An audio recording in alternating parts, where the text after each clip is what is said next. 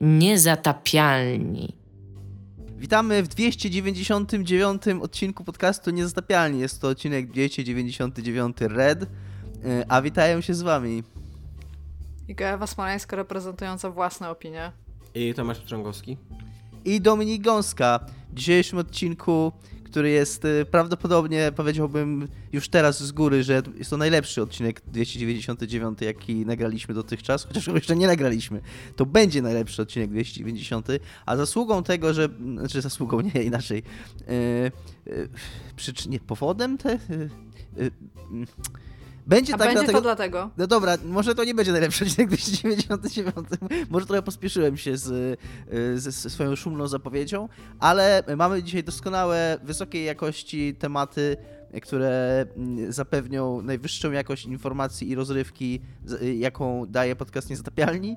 E, tymi tematami jest y, nowa gra EO Interactive, czy IO Interactive, twórców Hitmana, którzy zapowiedzieli, że robią grę w świecie, w świecie? E, Czy po prostu na licencji Jamesa Bonda? E, Porozmawiamy na pewno sporo i pokomentujemy nominacje do The Game Award, czyli e, zajmie nam to mniej więcej 15 godzin, bo tych, tych kategorii jest tam 80 tysięcy, więc będziecie musieli trochę cierpliwością się wykazać, ale jeżeli tą cierpliwością się wykażecie, to na koniec poopowiadamy trochę o tym, że być może BioWare wkrótce zapowie nowego Mass Effecta. E, A Ale zanim... jako, że jest to odcinek Red, to nagrywamy go po raz pierwszy na niebieskim dildo. Tak. Więc mamy nadzieję, że y, jakość mojego nagrania zwłaszcznie, zwłaszcza gwałtownie się zwiększy i że przestaniecie nam mówić, że brzmimy jakbyśmy robili coś na patelni w międzyczasie. E, Ale Co jakbyśmy można tak, że, robić na patelni? że tak, że jakby słychać było trzask oleju w tle, takiego wiesz, podgrzewanego na patelni. Tak. Nikt nam nie zabierze naszych podcastowych kotletów w ogóle.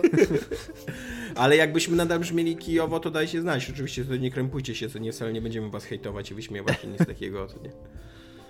Ej, teraz tak swoją drogą to e, miałam takiego ziomka na studiach, taka anegdotka, który wynajął e, w bardzo fajnie położonym miejscu na Oliwie, bo tam zaraz obok parku oliwskiego, e, pokój. I pokój był o tyle śmiesznie zrobiony, że to był jakby fragment domku, ale tak, że miał zupełnie osobne wejście, tam, tam się wchodziło jakby trochę przez taras i pan, który był jakby gospodarzem i mieszkał wreszcie tego domu, wygospodarował jakby takie małe mieszkanko, które miało jeden pokój, i miało kuchnię i łazienkę. Z tym, że kuchnia i łazienka była w tym samym miejscu, więc pomiędzy kiblem, zlewem a wanną była taka mała płyta grzewcza, więc ziomek mógł siedzieć w wannie i przewracać kotlety, jak ten. Jak, siedział e, w środku. jak byłem na studiach, to szukaliśmy kiedyś stacji i na starówce, znaczy to ciężko powiedzieć, czy to w Gdańsku, czy to jest starówka, bo są dosyć e, ludzie z Gdańska, czyli Dominik, mają radykalne poglądy na to, co jest starówką w Gdańsku. Nie, nie Ja bym tylko chciała takich- powiedzieć, że starówka to jest nazwa własna odnosząca się do Starego Miasta w Warszawie, wszędzie indziej jest tylko Stare Miasto. Ja właśnie, ja właśnie, mi się wydaje, To że... Ma jeszcze taką- bardziej radykalne poglądy, widzę. mi, się wydaje, mi się wydaje, że takie radykalne poglądy to właśnie mają ludzie spoza Gdańska.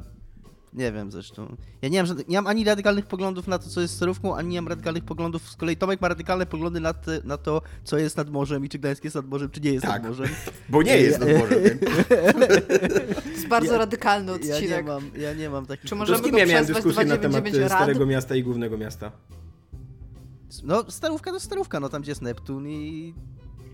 I długa ulica, no. Czyli, że Główne Miasto to już nie jest Stare Miasto do ciebie.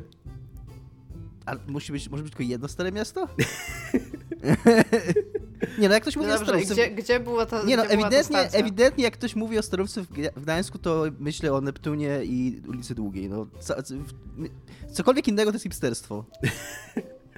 To tak, to w ogóle nie są radykalne poglądy. E, W każdym razie, są, tak. są rozsądne poglądy. W każdym razie była taka stacja, którą oglądaliśmy, y, która miała e, kuchnię, taką malutką i w kuchni była zasłonka taka, a za zasłonką była wanna i nie było zlewu w tej kuchni, więc naczynia myło się w wannie i oczywiście też siebie myło się w wannie, więc można było wymyć się razem z naczyniami. Okej. Ale jaka to jest oszczędność czasu w ogóle. No tak, tak. Nie, proszę nie wchodzić, teraz jestem nagi i myję naczynia. No. Więc y, są różne. Ja różne tak swoją stacje. drogą we- Wrocławiu, na przykład jak ja mówiłam, że jadę na Stare Miasto, to wszyscy się na mnie patrzyli i warczeli, że na rynek jadę. I tam spoko. E, ale coś chciałam Boże, ra- a ile razy ja dostawałem szukałam- w pierdol od Michała Owsianko, po prostu autentycznie w ogóle skakał mi po czaszce glanami, co nie? Jak mówiłem, że idę na jak to wrzeszcz, Michał Owsianko? ja, że, że idę na wrzeszcz, a nie do wrzeszcza, co nie? No bo to jest idiotyczne mówić na To nie jest idiotyczne, to, Ale to mają wszyscy, którzy przyjechali wywodzić, do Gdańska tak, i to są stamtąd nie regionalizmy, są. Dominik. To jest, to jest rasistowskie mówienie, że to jest idiotyczne. Nie, ale ja Nie, na no- przykład jechałam na Wrzeszcz, dlatego że jechałam najczęściej SKM-ką i na stację Wrzeszcz po prostu, więc ja Mówi się jadę do na wrzeszcza, Wrzeszcz. do wrzeszcza, do oliwy, nie na oli- i w oliwie, nie na oliwie. Nie, na Oliwie mieszkałam. Mhm. W dupie mieszkałaś. Trochę tak. Jak szukałam sobie mieszkania we Wrocławiu, to wynajęłam e, pokój na jedną noc, żeby mieć dwa dni, żeby, żeby tutaj szukać. I udało mi się wynająć pokój, który zaraz obok łóżka tam była wykładzina taka and shit, miał prysznic, miał kabinę prysznicową centralnie obok łóżka, więc są, są fajne, fajne rzeczy są A, a, poza ty, a poza regionalizmami i zaimkami czy przyimkami, nie zaimkami, używanymi do określania, gdzie się kto- ktoś znajduje albo dokąd zmierza, to co jest grane u was? Kto zaczyna dzisiaj? Ty. Wow. Domi- Dominik ciągnął zapałki i, i według niego ty wyciągnąłeś najkrótszą, sorry. E, u mnie jest grane cały czas y, y, Wasteland 3, które jest spoko. A, i tak, i y, y, wraz z kilkoma osobami doszliśmy do wniosku, że jestem głupim debilem i nie powinienem w ogóle się nigdy wypowiadać na temat gier wideo i to jest mój ostatni odcinek i od, od następnego po prostu mnie nie ma w tym podcaście. Ponieważ y, źle zrozumiałem jednak system slotów w Wasteland 3. Można wypełnić y, całe 6 e, tych slotów e, randomami z mm, mapy i można też wy, wypełnić, znaczy nie randomami z mapy, tylko tymi postaciami, które sam tworzysz, o tak. Cztery sloty, bo dwa sloty masz No, dwa, swoje no postacie. tak, ale to też są postaci, które ty tworzysz, co nie? Jakby. No tak, czyli cztery można wypełnić NPC-ami nierandomowymi. Dominik, komplikujesz jeszcze, jeszcze bardziej. Nie no, bo powiedziałeś, że sześć można No tak, ale te dwie No, dobra. to też są postacie, które ty tworzysz, de facto. no tak, ale powiedziałeś, że takimi spotkanymi z mapy. Nie, a teraz właśnie się poprawiłem, że chodzi, że chodzi mi o te, o te, które możesz tworzyć. A później, Dobrze. że pozostałe cztery sloty możesz stworzyć NPC-ami z mapy. Jakby Tak, to wypełnić. ja jestem teraz debilem. To ja też oddaję swoją legitymację i broń. Wow, to będzie fajny podcast. One Man Army. Zapraszam na mój podcast w przyszłym tygodniu. E, tak. E, trochę mnie nudzi ta gra. Jestem na 45 godzinie, jestem na ostatnim questie, już ostatnie dziecko tego patriarchy muszę zgładzić albo przyprowadzić. I, e, I ostatnio, jak sobie z Dominikiem gadaliśmy o tym, że wychodzą tam jakieś pierwsze takie wrażenia a propos cyberpunka, koleś z IGN chyba grał 16 czy 17 godzin i mówił, że zaskakująco mało walki było dla niego. To jest tak pomyślałem, że to brzmi dla mnie super ciekawie, że to, to jest super odświeżające, że bardzo mi brakuje teraz y, RPG-a, w którym by się nie walczyło non-stop nie strzelało, bo e, literalnie ten Wasteland 3 to jest po prostu taka, to jest po prostu strategia czasu rzeczywistego, znaczy czy strategia turowa ubrana w łatki RPG, bo tam każdego questa jakiego dostajesz, to wcześniej czy później po prostu pada pytanie, ok, kogo mam wymordować jakby, gdzie, gdzie są ci ludzie, których mam wymordować, gdzie jest ta arena, na której się będziemy strzelać, co nie? I, i, tam praktycznie nic, nic innego się nie robi. A jeżeli, a jeżeli jest jakaś opcja niewymordowania się, to to jest najmniej pomysłowa opcja, ja- jaką sobie możecie wyobrazić. To po prostu w, w dialogach masz. Płacisz pieniądze. Al, no, no w dialogach tak, masz, masz takie opcje dialogowe, co nie? I masz tam atak, zapłać pieniądze, albo tam umiejętność 7, która ci pozwoli uniknąć strzeliny, co nie? E, Więc no tak. e, No tak sobie mi się teraz ostatnio gra. Już teraz od kilku dni nie gram, bo, bo mówię, bo jestem trochę znudzony. Nie, nie to, że ta gra jest zła, tylko też jest jej strasznie dużo, co nie? Jakby po No 45... 45 godzin brzmi jak kawał Tak. gry, jeżeli to jest strategia w ogóle Tak. turowa. Tak. E, No, a więc będę mówił o literaturze, ponieważ uwielbiacie jak mówię o literaturze. Dokładnie Tomek 2 uwielbia jak mówię o literaturze, więc jest to teraz e, O, pewnie teraz siedzi w pokoju obok i zaciera rączki. Więc czytam sobie teraz dwie książki i pierwsza jest dosyć kiepska, a druga jest wybitnie dobra. I ta dosyć kiepska, o której będę mówił krótko, to jest Panna Doktor Sadowska. To jest taki reportaż historyczny, pro- portret, aut- biografia, coś takiego. E, próba uchwycenia, znaczy te opisania takiej y, bardzo znanej w międzywojniu e, lekarki, właśnie tej tytułowej Zofii Sadowskiej. e, która była lesbijką i która została, była jakby ofiarą takiej akcji, takiej nagonki e, tych e, brukowców, które jakby stworzyły w ogóle całą taką historię bo to, to nie jest, to, to w ogóle nie było oparte w rzeczywistości, tylko to była w ogóle stworzona taka gigantyczna narracja na temat tego, że ona w swoim gabinecie w ogóle doprowadza do jakiejś orgii, w ogóle narkotyzuje kobiety, je uwodzi, w ogóle rozbija małżeństwa i autentycznie to była taka, taka narracja jakby w stylu takiego najgorszego jakiegoś satanistycznego porno, co nie? Że tam jest w ogóle jakaś taka e, kraina rozpusty, takie, takie gniazdo w ogóle zepsucia i tak dalej, co nie? Jakbym to przeczytała w gazecie, to bym się zastanawiała, jak się tam można dostać i zapisać. Dzwoniła, halo, NFZ? E, no i Sadowska, która była w ogóle e, bardzo odważną kobietą i bardzo silną kobietą i była też zas, e, bardzo zasłużona dla sprawy polskiej. Tam w, w trakcie I wojny światowej działała niepodległościowo, była tam uczestniczką różnych kongresów kobiet i tak dalej. Ona wytaczała procesy tym, tym brukowcom i no i jakby ta książka, przynajmniej na razie jestem tak mniej więcej w połowie tej książki, ona jest głównie o tych procesach, nie? I jest to niestety, pomimo bardzo ciekawej tematyki i pomimo tego, że super byłem zainteresowany tym, tą historią, bo w ogóle sobie nie zdawałem z tego sprawy, co, na co właśnie tam Wojciech Szot, czyli autor, e, też zwraca uwagę, że to jest e, dziwnie zapomniana historia, bo to był wielki skandal w latach dwudziestych w Polsce. Że to była autentycznie taka historia, którą żyła cała Polska. Wszyscy o tym czytali i tak dalej, wszyscy to śledzili, no właśnie były, toczyły się te procesy, e, wszyscy znali nazwisko Sadowskiej, w ogóle e, kabarety opowiadało o nim dowcipy i tak dalej, i tak dalej, a, a później zupełnie jakby zapomnieliśmy o, o czymś takim, że taki, taki skandal wybuchnął. No i on e, jakby to, to, to, trochę wydaje się wynikać z jakiejś takiej homofobiczności naszej pamięci narodowej, że no nie będziemy pamiętać o czymś takim, zwłaszcza, że tutaj ta prasa e, no, odwalała akcje haniebne, co nie, strasznie. I byłem bardzo zainteresowany tą książką, ale niestety czyta się ją bardzo źle. Ja e, mówię to z przykrością, ponieważ bardzo lubię Wojtka Szota. Wojtek Szot wydał mój komiks i jest moim kolegą i, i bardzo miałem nadzieję, że będzie mi się świetnie czytać tę książkę, ale jest ona totalnie przeładowana cytatami, taką ym, taką najgorszego rodzaju cytatozą, taką, że ym, ym, że strona po stronie masz całe ustępy, akapity, czasem w ogóle całe strony zeznań ludzi, nie? E, I to są, nie dość, że to są zazwyczaj zeznania sądowe, więc one są bardzo kiepsko napisane, no bo to po prostu jest jakby taki język mówiony. Nie dość, że to jest język mówiony, to jeszcze on jest prze, przepuszczony przez protokolantów sądowych, co nie? Więc jakby dwa razy, dwa razy kiepski jest ten język. E, do, te, do tego te zeznania są bardzo często nie na temat bo tam na przykład jeden z brukowców próbował się bronić tym, że on chronił jakieś tam dobre imię takiej rodziny, bo Sadowska miała romans jednocześnie z matką i córką w, w takiej rodzinie, co nie? I tak. To jest najlepsza osoba ever. tak.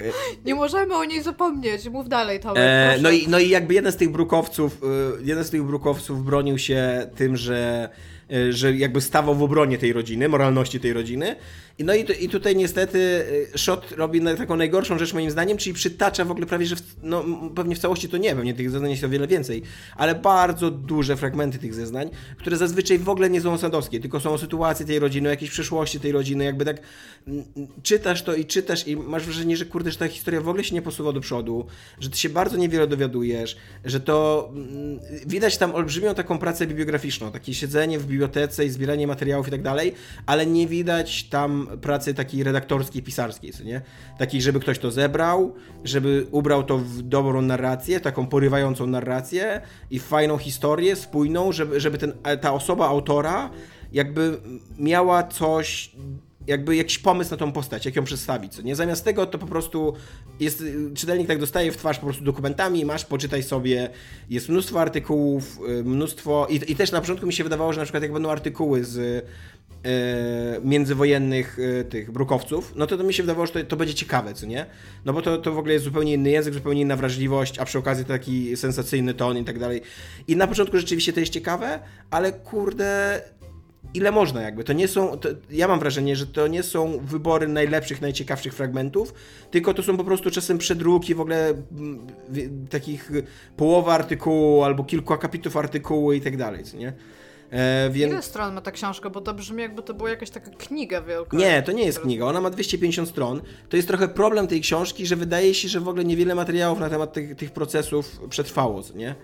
E, wydaje mi się, że też jest trochę problemem tej książki, że y, chyba osoby bliskie Sadowskie, Sadowskiej dzisiaj albo nie żyją, albo autorowi nie udało się do nich dotrzeć i tak dalej, więc jakby cała ta relacja jest przedstawiona na podstawie tylko dokumentów, nie? A ona umarła w latach 60., 70., coś takiego, więc to nie jest tak, że, mm, że jakoś bardzo dawno, nie? No ale, nie, ale niestety tak jestem, jestem mocno rozczarowany tą książką. Na początku ją czytałem, się zmuszałem do tego, Później ona została zdegradowana do takiej książki toaletowej u mnie, ale teraz, teraz już zwróciłem uwagę wow. nawet, że. No mam tak, mam tak że, jak, że jak coś mi nie idzie czytanie, to po prostu. Cykl życia książki u Tomka. Tak, to kładę ją, kładę ją w toalecie i, i, i, i w trakcie załatwiania różnych innych spraw sobie podczytuję, co nie? Ale teraz już się łapię na tym, że nawet y, załatwiając różne inne sprawy, tak nie, niespecjalnie mi się chce tą książkę odpalać i ją czytać. Czy też opakowania po szamponie, rozumiem. e, więc, e, więc niestety jakby nie mogę jej polecić. E, ale za to zacząłem czytać bardzo wybitną powieść, która ma tam jakiś miliard 800 tysięcy lat i którą powinienem był już dawno przeczytać, to znaczy Rozmowa w katedrze. Prehistoria. Słucham? Prehistoria się nazywa. Nie, ale Rozmowa w katedrze Mario Vargasa Llosy, y, noblisty. E, to jest chyba jego najwybitniejsza powieść. Ja go bardzo cenię i bardzo lubię i czytałem kilka jego książek, ale do tej pory właśnie nie czytałem Rozmowy w katedrze. E, I teraz jak ją wziąłem, to się trochę przestraszyłem, bo to jest taka kniga na 670 stron drobnym drukiem. O jest. Więc tak realnie to ma pewnie około 1000 stron, gdyby to normalnie wydrukować, co nie? E, I jest to absolutnie fascynująca, rewelacyjna książka. Ona opowiada historię Peru mm, takich czasów końcówki lat 40., początku lat 50. mi się wydaje. Nie, tak mi mówię, że mi się wydaje, bo tam nie, nie, są dokładnie daty podawane, ale w każdym razie są to czasy takiej dyktatury wojskowej. E, kiedy, y, no, kiedy ta dyktatura prześladowała przede wszystkim socjalistów i komunistów i główny, znaczy główny bohater, tam jest wielu głównych bohaterów, ale, ale główny bohater, Santiago, e, był kiedyś komunistą, a teraz jakby na samym początku książki próbuję sobie zadać pytanie, e, kiedy on się tak zgnoił, jakby dał się tak zgnoić, bo teraz jest takim dziennikarzem, oportunistą, który po prostu pisze felietony popierające władzę, tłumaczące kolejne ruchy władzy i tak dalej, nie? E, I jest to absolutnie, w ogóle ta, ta, ta, ten tytuł rozmowa, rozmowa w katedrze to jest, to on, on, pokazuje sytuację narracyjną w tej książce, bo Santiago w, pierwszej, w pierwszym rozdziale spotyka byłego kierowcę swojego ojca, Ambrosio, i oni idą do, do katedry, czyli do baru, który się nazywa Katedra i tam się upijają. Okej, okay, myślałam, że to są realnie rozmowy nie, nie, w katedrze i sobie wyobraziłam, jak już, wiesz, siedzi z tym kierowcą w katedrze i niby się modlą, ale tak szybko. Nie, i oni tam się upijają i, y, i jakby rozmawiają o swojej przeszłości, jeden, jeden z drugim, nie? I e, to, to sprawia, że w ogóle narracja tej książki jest strasznie skomplikowana. To jest taka książka, którą trzeba non-stop czytać na mega uwadze, bo tam ze zdania na zdanie zmienia się sytuacja narracyjna, skacze akcja w, w czasie, e, zmieniają się narratorzy i tak dalej. Często jest tak, że na przykład są prowadzone trzy rozmowy naraz, trzy, trzy dialogi i ty, ty nie do końca wiesz, kto co do kogo mówi i dopiero z czasem jakby wyłapujesz, że o, tutaj ktoś mówi do Ambrozia, okej, okay, tutaj Ambroziowi ktoś odpowiada, więc ta rozmowa jest pomiędzy kimś innym. Aha, okej, okay, to Santiago rozmawia z tym kimś, ale one jeszcze się rozgrywają na innych płaszczyznach czasowych, bo Ambrozio w tym czasie służył chyba u tego kolesia, a nie u tamtego i tak to jest trochę taka, um, taka łamigłówka, taka narracyjna łamigłówka, którą sam musisz rozwiązywać, nie? I często jest tak, że, że nagle się okazuje, że ktoś opowiada daną sytuację, a nie, że to jest sytuacja, którą ty y, poznajesz z perspektywy narratora wszechwiedzącego, no i ogólnie ja bardzo lubię takie zabiegi, tylko że tak od razu ostrzegam, że na początku jest bardzo dużo skupienia wymaga ta książka, tak żeby, żeby się w nią wryść i żeby, żeby się połapać właśnie o co w niej chodzi w ogóle, nie?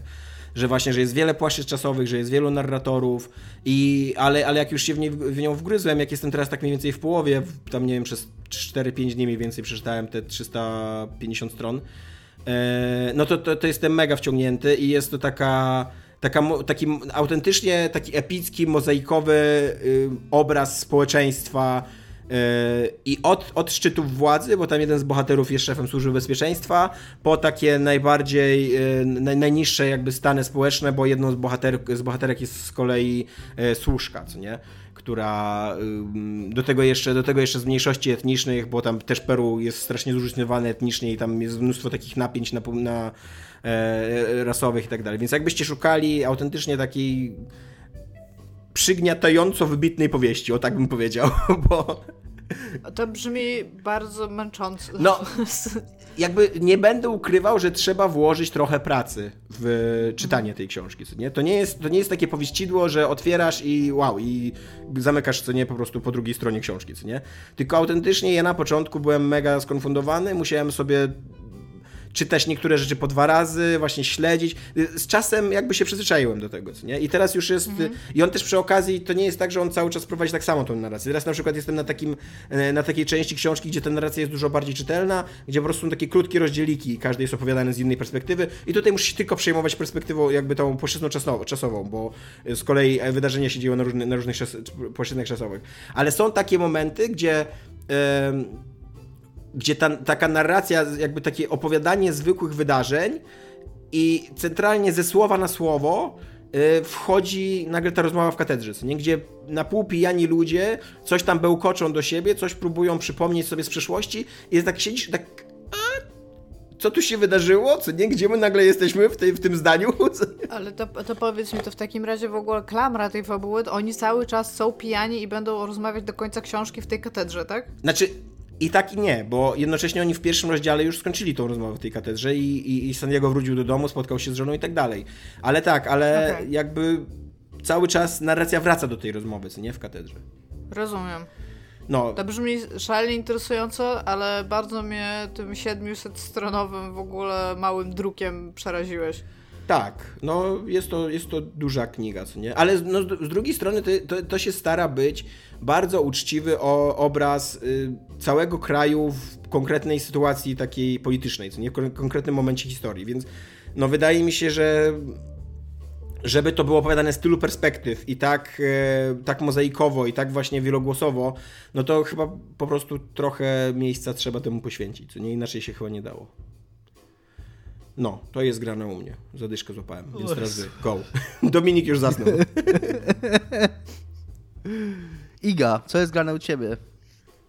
A ja w tym tygodniu grałam dosyć mało, skończyłam jedną książkę, e, ale chciałam tutaj powiedzieć może, że chciałabym połączyć to, to co przeczytałam, co jest bardzo moim zdaniem słabą książką, może, może nawet nie super słabą, ale średnio, zaraz powiem dlaczego, ale gram w wybitną grę, w którą nie udało mi się zagrać wcześniej, dlatego że nie miałam tej połówki generacji e, konsolowej, a nie chciałam grać na PC i to jest Control. I nie pograłam sobie nie wiadomo jak długo, natomiast to jest.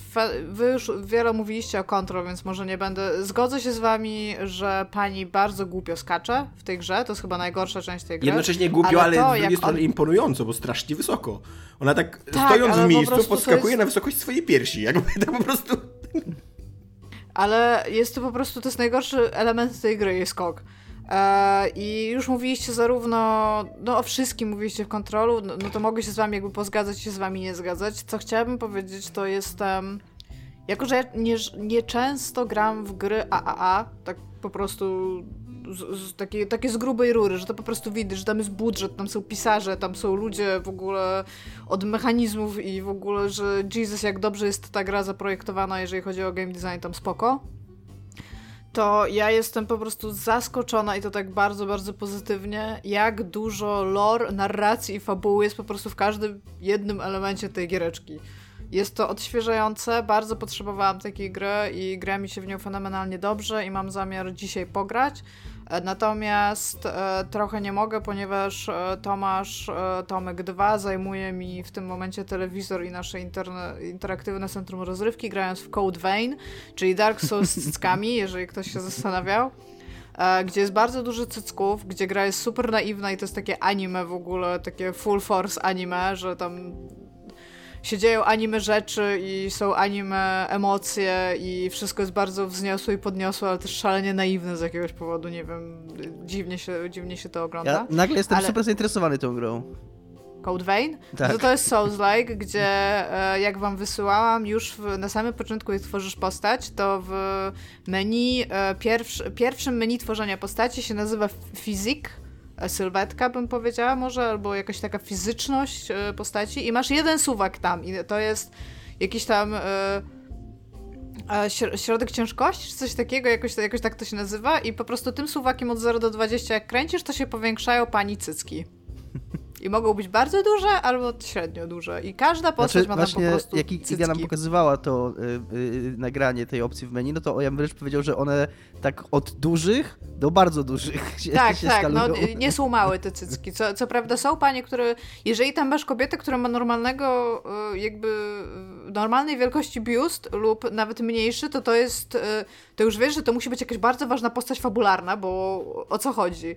Ale większo większość postaci kobiecych ma tam bardzo duży biust. Gra jest... y, Ja w nią grałam, kiedy e, Bandai Namco zaprosili mnie, żebym zobaczyła e, te pierwsze playthroughs z tego w Polsce, z Dark Soulsów, tego remastered pierwszej części.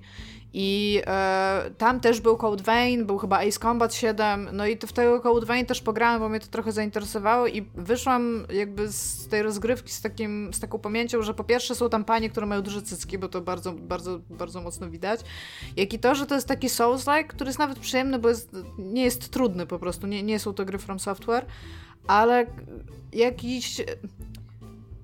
Wydawał mi się jakiś taki strasznie źle źle, źle zrobiony, jeżeli chodzi o walkę, że jak Dark Soulsy mają te hitboxy takie dobre, że wiesz, że jeżeli twój miecz wejdzie gdziekolwiek w animację typa, to on dostanie damage, to tutaj mam, miałam cały czas wrażenie, że oni tak trochę fruwają nad tym twoim mieczem, że jak ich bijesz, to nagle jesteś na drugiej stronie, że oni nie są takimi, jakby mopki nie są takimi bytami, które możesz y, uderzyć i sobie od nich pójść. Tomek jak gra teraz, to widzę, że ta gra ma bardzo dużo problemów, jeżeli chodzi o takie kwestie designu, typu, że na przykład e, jesteś w stanie inwestować bardzo, bardzo dużo w swoją zbroję i robisz naprawdę bardzo wiele, ele- zbierasz jakiś konkretny resource, potem przychodzisz do jakiejś babki, wymieniasz się coś za ten, coś z nią, za, za jakiś tam przedmiot fabularny, na przykład, który zdobyłeś albo coś takiego, przez co masz tam zbroję plus 5, po czym idziesz i z jakiejś losowej skrzynki wypada ci zbroja plus 7. Jakby ja, jaki jest sens w ogóle zrobić w ten sposób grę? Więc jestem taka sobie wciągnięta w tą grę, e, jestem bardziej wciągnięta w te cutscenki, bo one są takie full force anime, jak mówiłam, one są bardzo dramatyczne. Tam, tam każdy oddaje za siebie życie. Ludzie w losowych momentach umierają w ogóle. To, się, to się tak fajnie ogląda z takim lekkim przymrużeniem oka, ale w ogóle nie o tym chciałam mówić, bo chciałam mówić o tym, że przeczytałam Control, e, tak bo mówiłam, że chciałam połączyć te dwie gry. E, W Control mi się super podoba ten klimat tego takiego Twin Peaks X-Files, który mówi o takich właśnie urban legends, tam, że tam są jakieś departamenty parapsychologii, czyli bardzo mnie to kręci. To jest coś, co moim zdaniem w ogóle teraz ludzi bardzo kręci, to, to jest taka moda. Mi się to zawsze super podobało i zawsze lubiłam takie elementy nie, nierozwiązane w historii świata. I między innymi takim elementem jest, nie wiem czy pamiętacie, że w latach 60. E, był, była taka głośna sprawa, która do dzisiaj jakby utrzymuje się jako takie coś niewyjaśnionego i to było e, na przełęczy Diatłowa w Martwej Górze w Uralu. E, Zaginęło tam dziewięciu turystów. No i wiadomo było, że oni wyszli z namiotu i znaleźli ich tam półtora kilometra od tego namiotu i, niektórzy tam było powiedziane, że byli A nie napromieniowani. jest tak, że ostatnio jakieś tam... w ogóle 58 gier na ten temat powstało? No właśnie Kolat między innymi na ten temat wyszedł i tak, no i ja, ja trochę czytałam o tej o, o tej tragedii jakby i zawsze mnie to jakoś tak trochę żywo interesowało, bo to, to jest bardzo taki romantyczny, horrorowy wydźwięk, gdzie to jest na samym środku niczego, w środku zimy, w ciemnicy, ludzie wychodzą, nie wiadomo dlaczego, namiot jest poszarpany, czemu oni nie są ubrani, czemu jakieś osoby są w ogóle, e, mają jakieś krwotoki wewnętrzne, więc podjęłam się lektury i teraz, żebym nie, nie pomyliła nazwiska. Książka się nazywa Martwa Góra, historii, e, tra, hi, historia tragedii na przełęczy Diatłowa. Napisał ją Doni Eichar, E-I-C-H-A-R. To jest Amerykanin, wychowany we Florydzie i on jest z zawodu dokumentalistą, ale filmowym.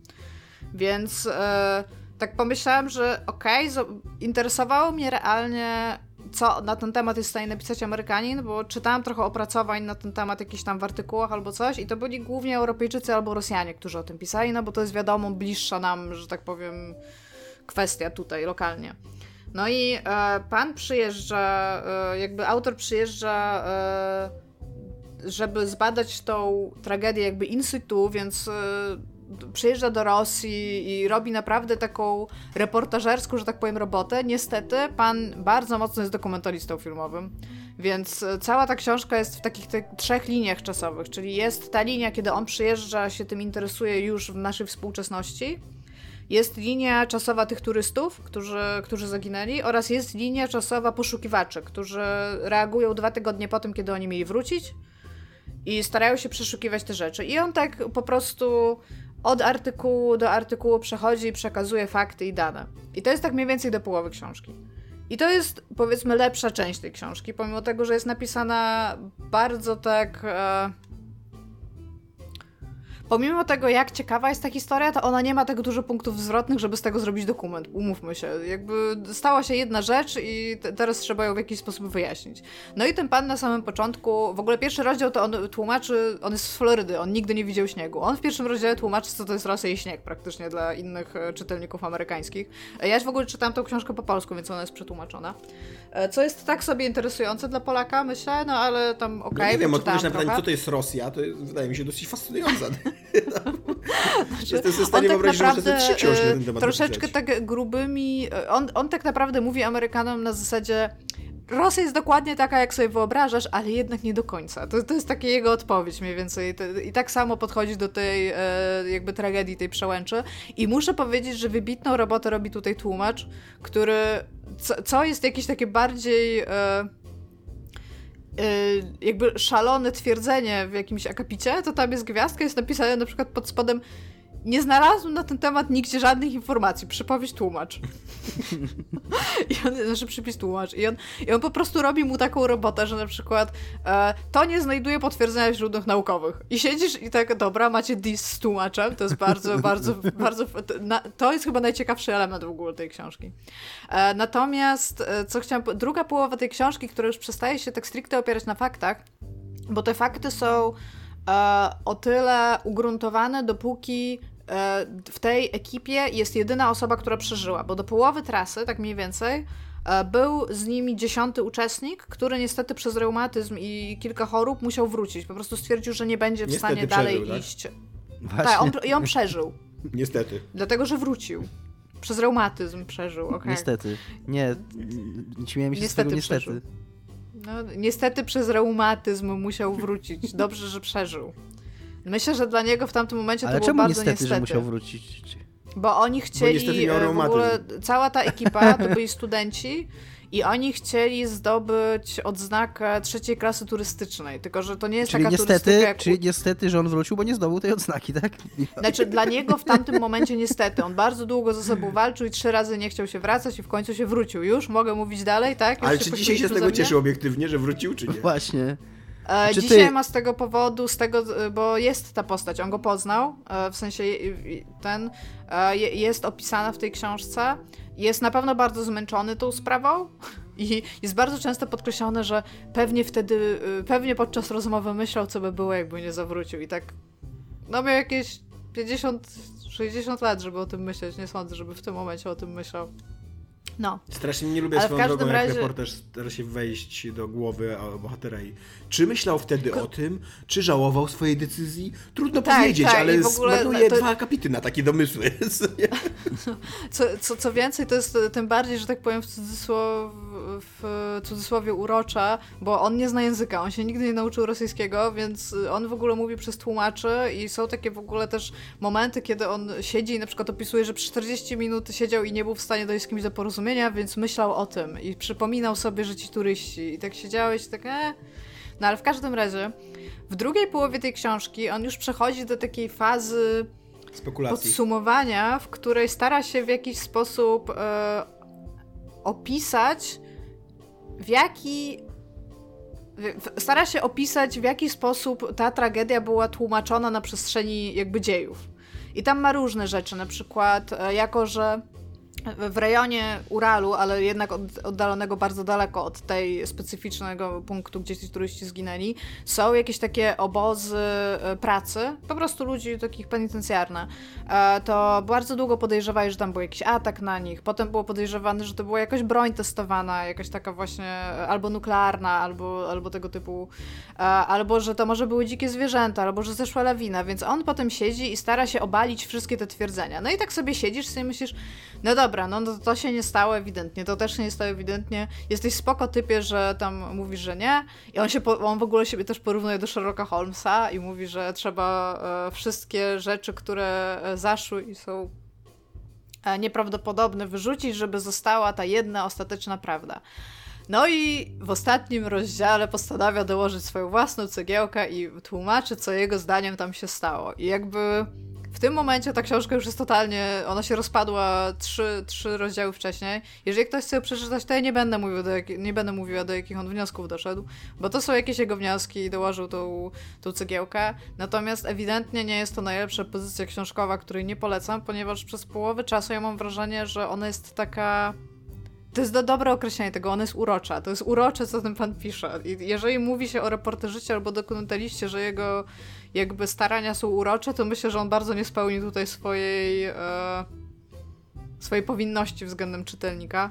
E, książka się czyta bardzo szybko, to jest jakby jej, jej plus. Plusem jest też fakt, że ziomek zainwestował bardzo mocno w a, tłumaczy.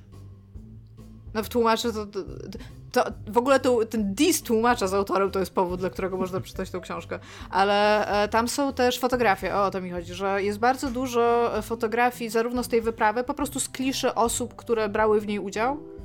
I one są podane w kontekście i to jest, to jest ciekawe, żeby coś takiego zobaczyć. Natomiast no, z książki nie da się dowiedzieć nie wiadomo czego i tak naprawdę trzy przejścia przez Wikipedię i klikanie jakichś artykułów powiązanych A powiedz mi, czy w, kontrol, czy w kontrol jest odwołanie do tej tragedii Wiesz co, jeszcze nie znalazłam, ale po prostu tak mi się strasznie skojarzyło, bo czytałam tą książkę, zaczęłam ją czytać zanim zaczęłam grać w kontrol, zaczęłam grać w kontrol i mi się to tak ładnie po prostu razem szczepiło, przez co jak jest napisany kontrol i jak e, jest jakby dojrzale poprowadzone, w sensie dojrzale, może, może to jest jest złe słowo.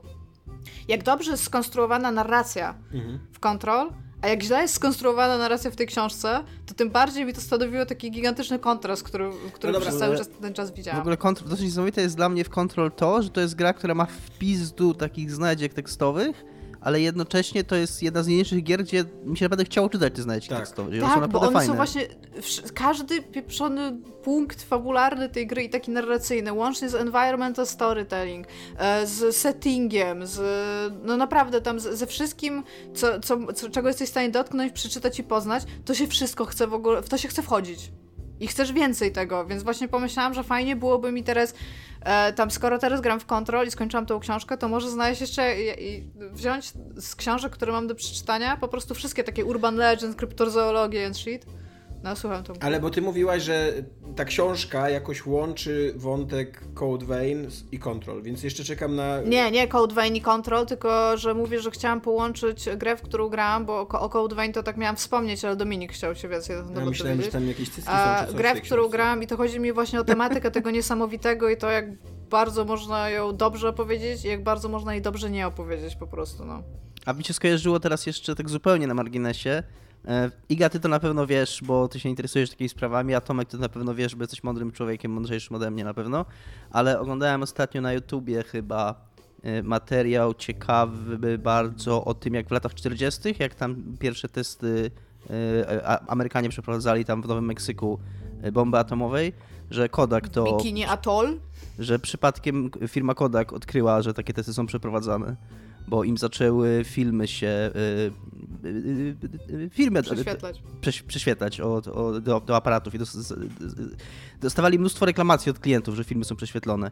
I przez jakiś czas Kodak miał w ogóle deala z rządem amerykańskim, że oni utrzymywali to w, jakby utrzymywali to w tajemnicy, a dostawali z wyprzedzeniem informacje, gdzie będą testy przeprowadzane. Żeby im się, żeby im się filmy. Nie, ja nie wiedziałem o tym. Y, ja, ja, słyszałam o udziale Kodaku, tak, ale nie wiedziałam, że mieli deal z rządem amerykańskim, bo teraz zaczęłam się zastanawiać nad faktem, że jakby okej, okay, ty masz o tym nie mówić, ale z drugiej strony y, na przykład Dominik kupił sobie Kodaka, poszedł, zrobił kilka zdjęć i potem pokazuje mi, no wszystkie są prześwietlone, więc nie kupuj Kodaka, więc jakby mam nadzieję, że im przynajmniej dosyć dużo płacili za to. Mm, znaczy nie, no to chodzi, bardziej chodziło o to, żeby oni jakoś te, ten, y, te filmy jakby jakby wiedzieli, inform mieli informację wcześniej, że takie testy się będą odbywały w jakimś miejscu, to żeby, nie wiem, te, te, te filmy z magazynów gdzieś przewieźli, żeby jakoś mogli się przygotować na to, o to chodziło. No okej. Okay. Ja bym chciał tu tylko jeszcze sprostować informację, że Bikini Atoll nie jest w Nowym Meksyku i to nie jest to samo w Nowym Meksyku się... No tak, ale chciałam, myślałam, że tam Dominik będzie mówił o tych pierwszych testach właśnie w Bikini Atoll, skąd się wzięła w ogóle nazwa Bikini. To jest śmieszne i Bikini było bardzo Nie, no ale Dominik mówił, że mówią o Nowym Meksyku. W Chodzi Meksyku o, tak? o, testy, o testy Trinity tak. Z 16 lipca 45 w Al, Al, Alamogordo, Nowy Meksyk. Tak, a te, a te okay, o których ty mówisz, to już w ogóle powojenne są testy nuklearne. Tak, tak i zaprasza, można było sobie wykupić e, bilet, żeby je oglądać, co jest i tym i był nawet dwa rozdania chyba Miss... E, Atomic Atomic Miss, w sensie takie, że były babki, które wygrywały model, znaczy no takie konkursy piękności i miały na głowie wybuchającą bombę atomową jako koronę. Co uważam za bardzo, za bardzo dobre, no. A czy przypadkiem y, SpongeBob kanciastostopy to nie jest kanciastoporty, tak? Kanciastostopy. Kanciastopor... No kanciastoporty jest tak samo głupi jak kanciastostopy, no bez przesady. E, czy to on się przypadkiem nie rozgrywa też na Bikini Atolu i to nie jest takie mrugnięcie okiem, że niby te wszystkie stworzonka tam żyją właśnie przez jakieś promieniowanie, coś takiego? Jak mi się Wiem, wydaje. wiem, że on, on żyje w Bikini Bottom, więc jakby to by miało sens, ale to też jest odwołanie do gaci po prostu w bikini. Więc nigdy nie analizowałam SpongeBoba pod kątem historii bomb atomowych. No dobrze. Iga, dziękuję Ci za Twoją relację z y, Placu Boju. Koło dwoje cycki. Dominik, chciałem powiedzieć, że Ty też czytasz książkę, więc nie bądź taki. No, wiem, wiem, czytam. Czytam dosyć powoli niestety, bo w, ja bardzo dłu- mam bardzo długą przerwę od literatury miałem i ja trochę e, straciłem taki nawyk, żeby siadać i czytać, albo żeby czytać w łóżku. Jakby nie mam takiego zarezerwowanego miejsca, że, że tylko ja i książka, więc póki co czytam tak głównie do śniadania, tą Dune wciąż, ale już jestem dosyć zaawansowany w niej, no tak w trzech czwartych jestem mniej więcej. I, I, jest to naprawdę dobra powieść. Tutaj nie, jakby nie wiem, czy, ja, czy jest coś do, do, powiedzenia w temacie Duny. Natomiast y, co jest dla mnie dosyć ciekawe, obejrzałem sobie wczoraj parę razy ten zwiastun tej, tej filmowej Duny, Villeneuve i dużo bardziej mi się podoba ten zwiastun, jak wiem, co się na nim dzieje. Te, e, wiecie, że ten film nigdy nie powstanie, co nie? Że to on jest przeklęty, tak jak wszystkie ekranizacje do tej pory. Znaczy, on chyba powstał już, tylko problem jest taki, że oni po prostu przesunęli jego premierę ze względu na... No tak, ale on miał być dwuczęściowy, więc rozumiem, że druga część, e, mhm. jak pierwsza już tonie praktycznie na naszych oczach. Ale... się w piasku. E, ale oprócz czytania Dune, którą mi się mówię, czyta fenomenalnie, naprawdę to gram w... Grałem... Hades. Zaczę... Słucham? W Hades grasz. Gram w Hades? Nie, ostatnio nie gram w Hades niestety. Grałem, bo przerwałem grać w Hades, granie w Hadesa, żeby grać w Asasyna, e, w którego mi się grało spoko, ale, ale tak sobie ze względu na błędy, o czym mówiłem tydzień temu. E, to zacząłem grać, odstawiłem Asasyna, czekam aż spaczują trochę i zacząłem grać w Final Fantasy VIII, które weszło do Game Passa.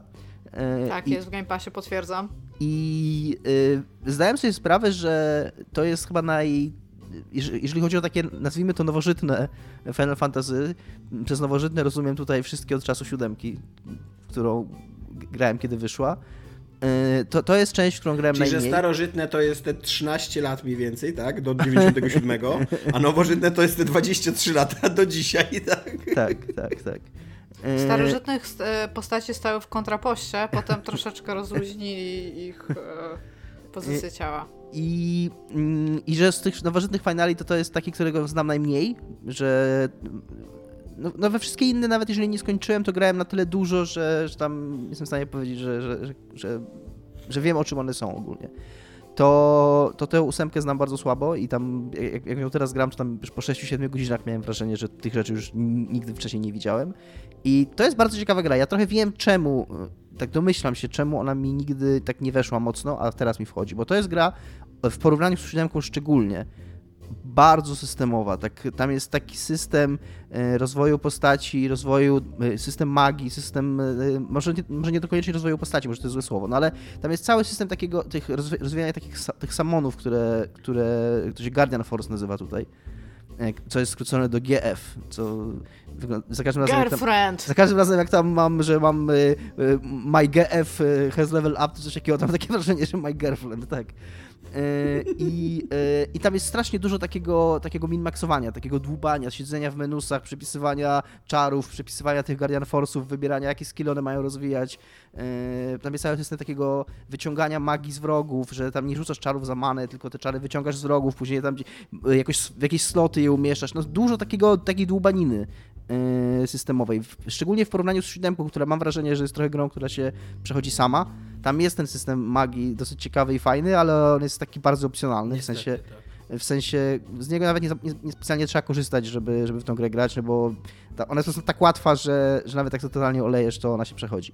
To tutaj ten system jest, e, trochę trzeba z niego korzystać, nie dlatego, że gra jest trudna, tylko dlatego, że po prostu no, że, że inaczej to, to, nie ma gry, no, że w sensie, że jakby to powiedzieć, ona, ona wymusza to na tobie, to się jakby nic nie dzieje samo, bo w siódemce po prostu tam porzucałeś tę materię, ale cała reszta się robiła sama, postać się sama rozwijała, skille się same dodawały jej i tak dalej. Tu samo w ogóle, same te opcje, które ma postać, że ma atak, item, magic, nawet te w to wybierasz i tych jest ograniczona liczba i tymi, i tymi mieszasz. Tam jest bardzo dużo takiego, takiego właśnie systemowego, systemowej dłubaniny I, i jako, że ja w tamtych czasach raczej bardziej mnie interesowały historie w grach, a nie lubiłem takich, takiej dłubaniny, a teraz z kolei lubię ją, no to, to dlatego mi się co gra e, zupełnie spoko.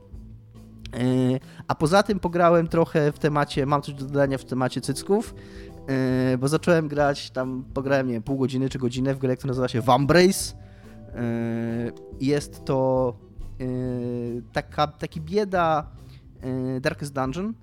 Bardzo podobna jest ta gra, jeżeli chodzi o rozgrywkę do Darkest Dungeon, ale to, co przeczytałem o niej na paru, w paru recenzjach, jak, jak, jak przeglądałem, zanim zacząłem w nią grać, to zarzucano jej, że jest to mocno uproszczone Darkest Dungeon, takie krótsze, prostsze i że, i że to jest kiepskie. No to ja sobie powiedziałem, jak zobaczyłem, że o, prostsze Darkest Dungeon, to brzmi totalnie jak coś dla mnie, bo Darkest Dungeon jakkolwiek jest super grą, to jest również grą strasznie przytłaczającą.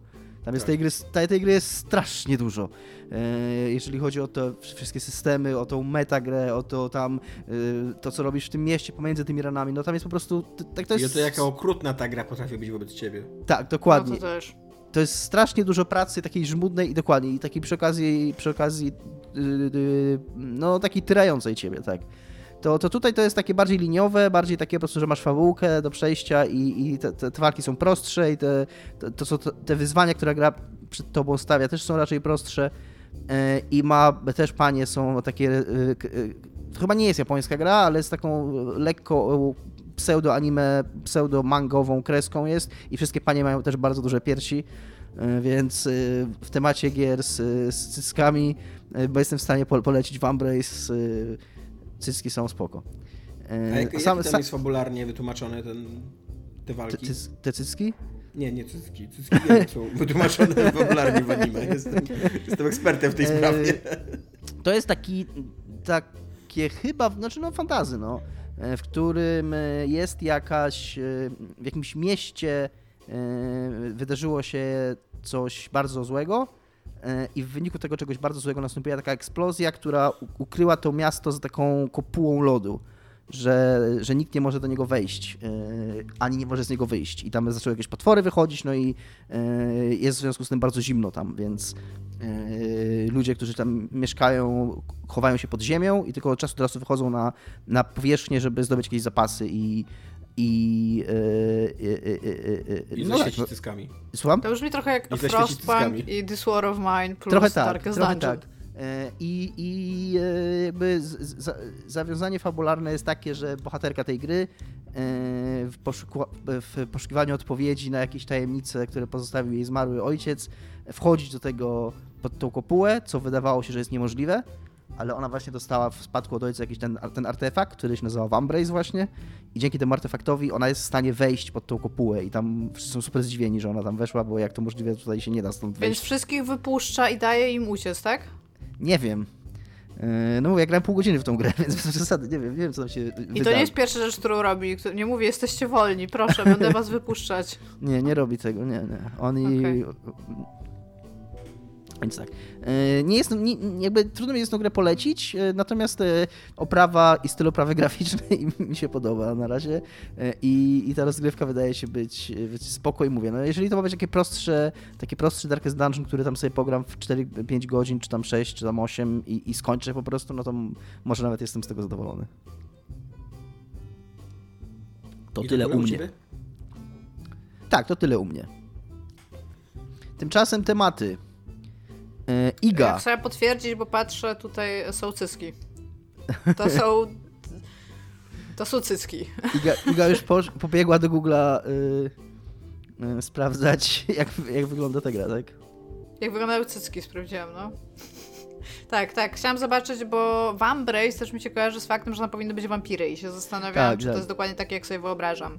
Y, na razie nie było tam żadnych wampirów. Owsiany też, jak, jak ostatnio grałem z nim w Divinity i i, yy, i mówiłem o tej grze, to się pytał, czy są wampiry i czy jest obejmowanie wampirów. Bo to też tak trochę... że powinny być obejmowanie wampirów. Tymczasem Iga. Słyszałem, tak. że powstaje gra dla ciebie. Tak, ja na ten temat napisałam taki krótki utwór muzyczny. e, takie rapsy troszeczkę. A ponieważ e, jako, że nasi słuchacze nie są świadomi agendy, to jakby e, znalazłam taką sugestię, że być może jest to w jakiś sposób bliski mi temat i tutaj e, chciałam przekazać dwie rzeczy w tym rapsie. E, pierwsza jest zrozumiała sama przez siebie, o drugiej powiem potem, kiedy, kiedy go skończę, dobra? Czy jesteście gotowi? Tak. Nigdy, nigdy nie jestem gotowy na MC Pumpernickel. No właśnie, nikt nigdy nie był gotowy. Uwaga. Jeśli ktoś z Was za dziwactwem Iggy może się rozglądał, to ucieszy się z pewnością, że nie lubi Jamesa Bonda. Jej nie kręci kwestia Bayer i outfetyszyzacji, ale to jej własne zdanie nie odbiera innym racji. Nie obchodzi jej, w kim tym razem spocznie Jamesa Bonda kłoda, lecz szanuje, że swe imię dostał od ornitologa. Nie obchodzi mnie pajac... Nie, nie przepraszam. Nie obchodzi mnie pajac we fraku sączący swe martini, nie obchodzi mnie zegarek, jego fura i dziewczyny. Grać go może i Karolak. Szczerze mówiąc, mam to w nosie. Lecz to wciąż jest moje zdanie. Lubisz Bonda? Bardzo proszę. I choć uważam cały cyrk ten za wybitne bzdury, nie odbieram ich znaczenia dla fanbazy i kultury. Więc proszę ładnie, zawsze szanuj zdanie innych, drogi fanie, nawet jeśli cię zostawi ciut, ciut wstrząśniętym i zmieszanym. Dziękuję.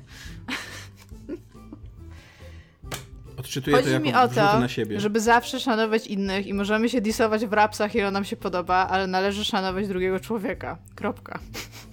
Przepraszam, e. Iga, że założyłem, że e, jako, że lubisz Nintendo 64, to lubisz też e, GoldenEye. Nie, nie, nie, nie spodziewałem się, że odpalisz MC Pumpernickel w moim, temat, temat kierunku. jest głębszy, ale e, zaskakująco często i się, tak, tak serio to zawsze mnie to dziwi, jakby to nie jest tak, że ja nienawidzę Jamesa Bonda, ale centralnie mnie nie obchodzi w ogóle nic związane z, jakby z tą marką, tak, tak zupełnie nic. I wiem, że, że ludzi, ludzi to interesuje, ludzi, ludzi kręci, żeby wiedzieć, e, kto go będzie grał, jaki to będzie samochód, jakie to będą gadżety tym razem, nie? Albo jakieś na przykład, pamiętam, że były popularne e, te telefony albo zegarki Jamesa Bonda i spoko.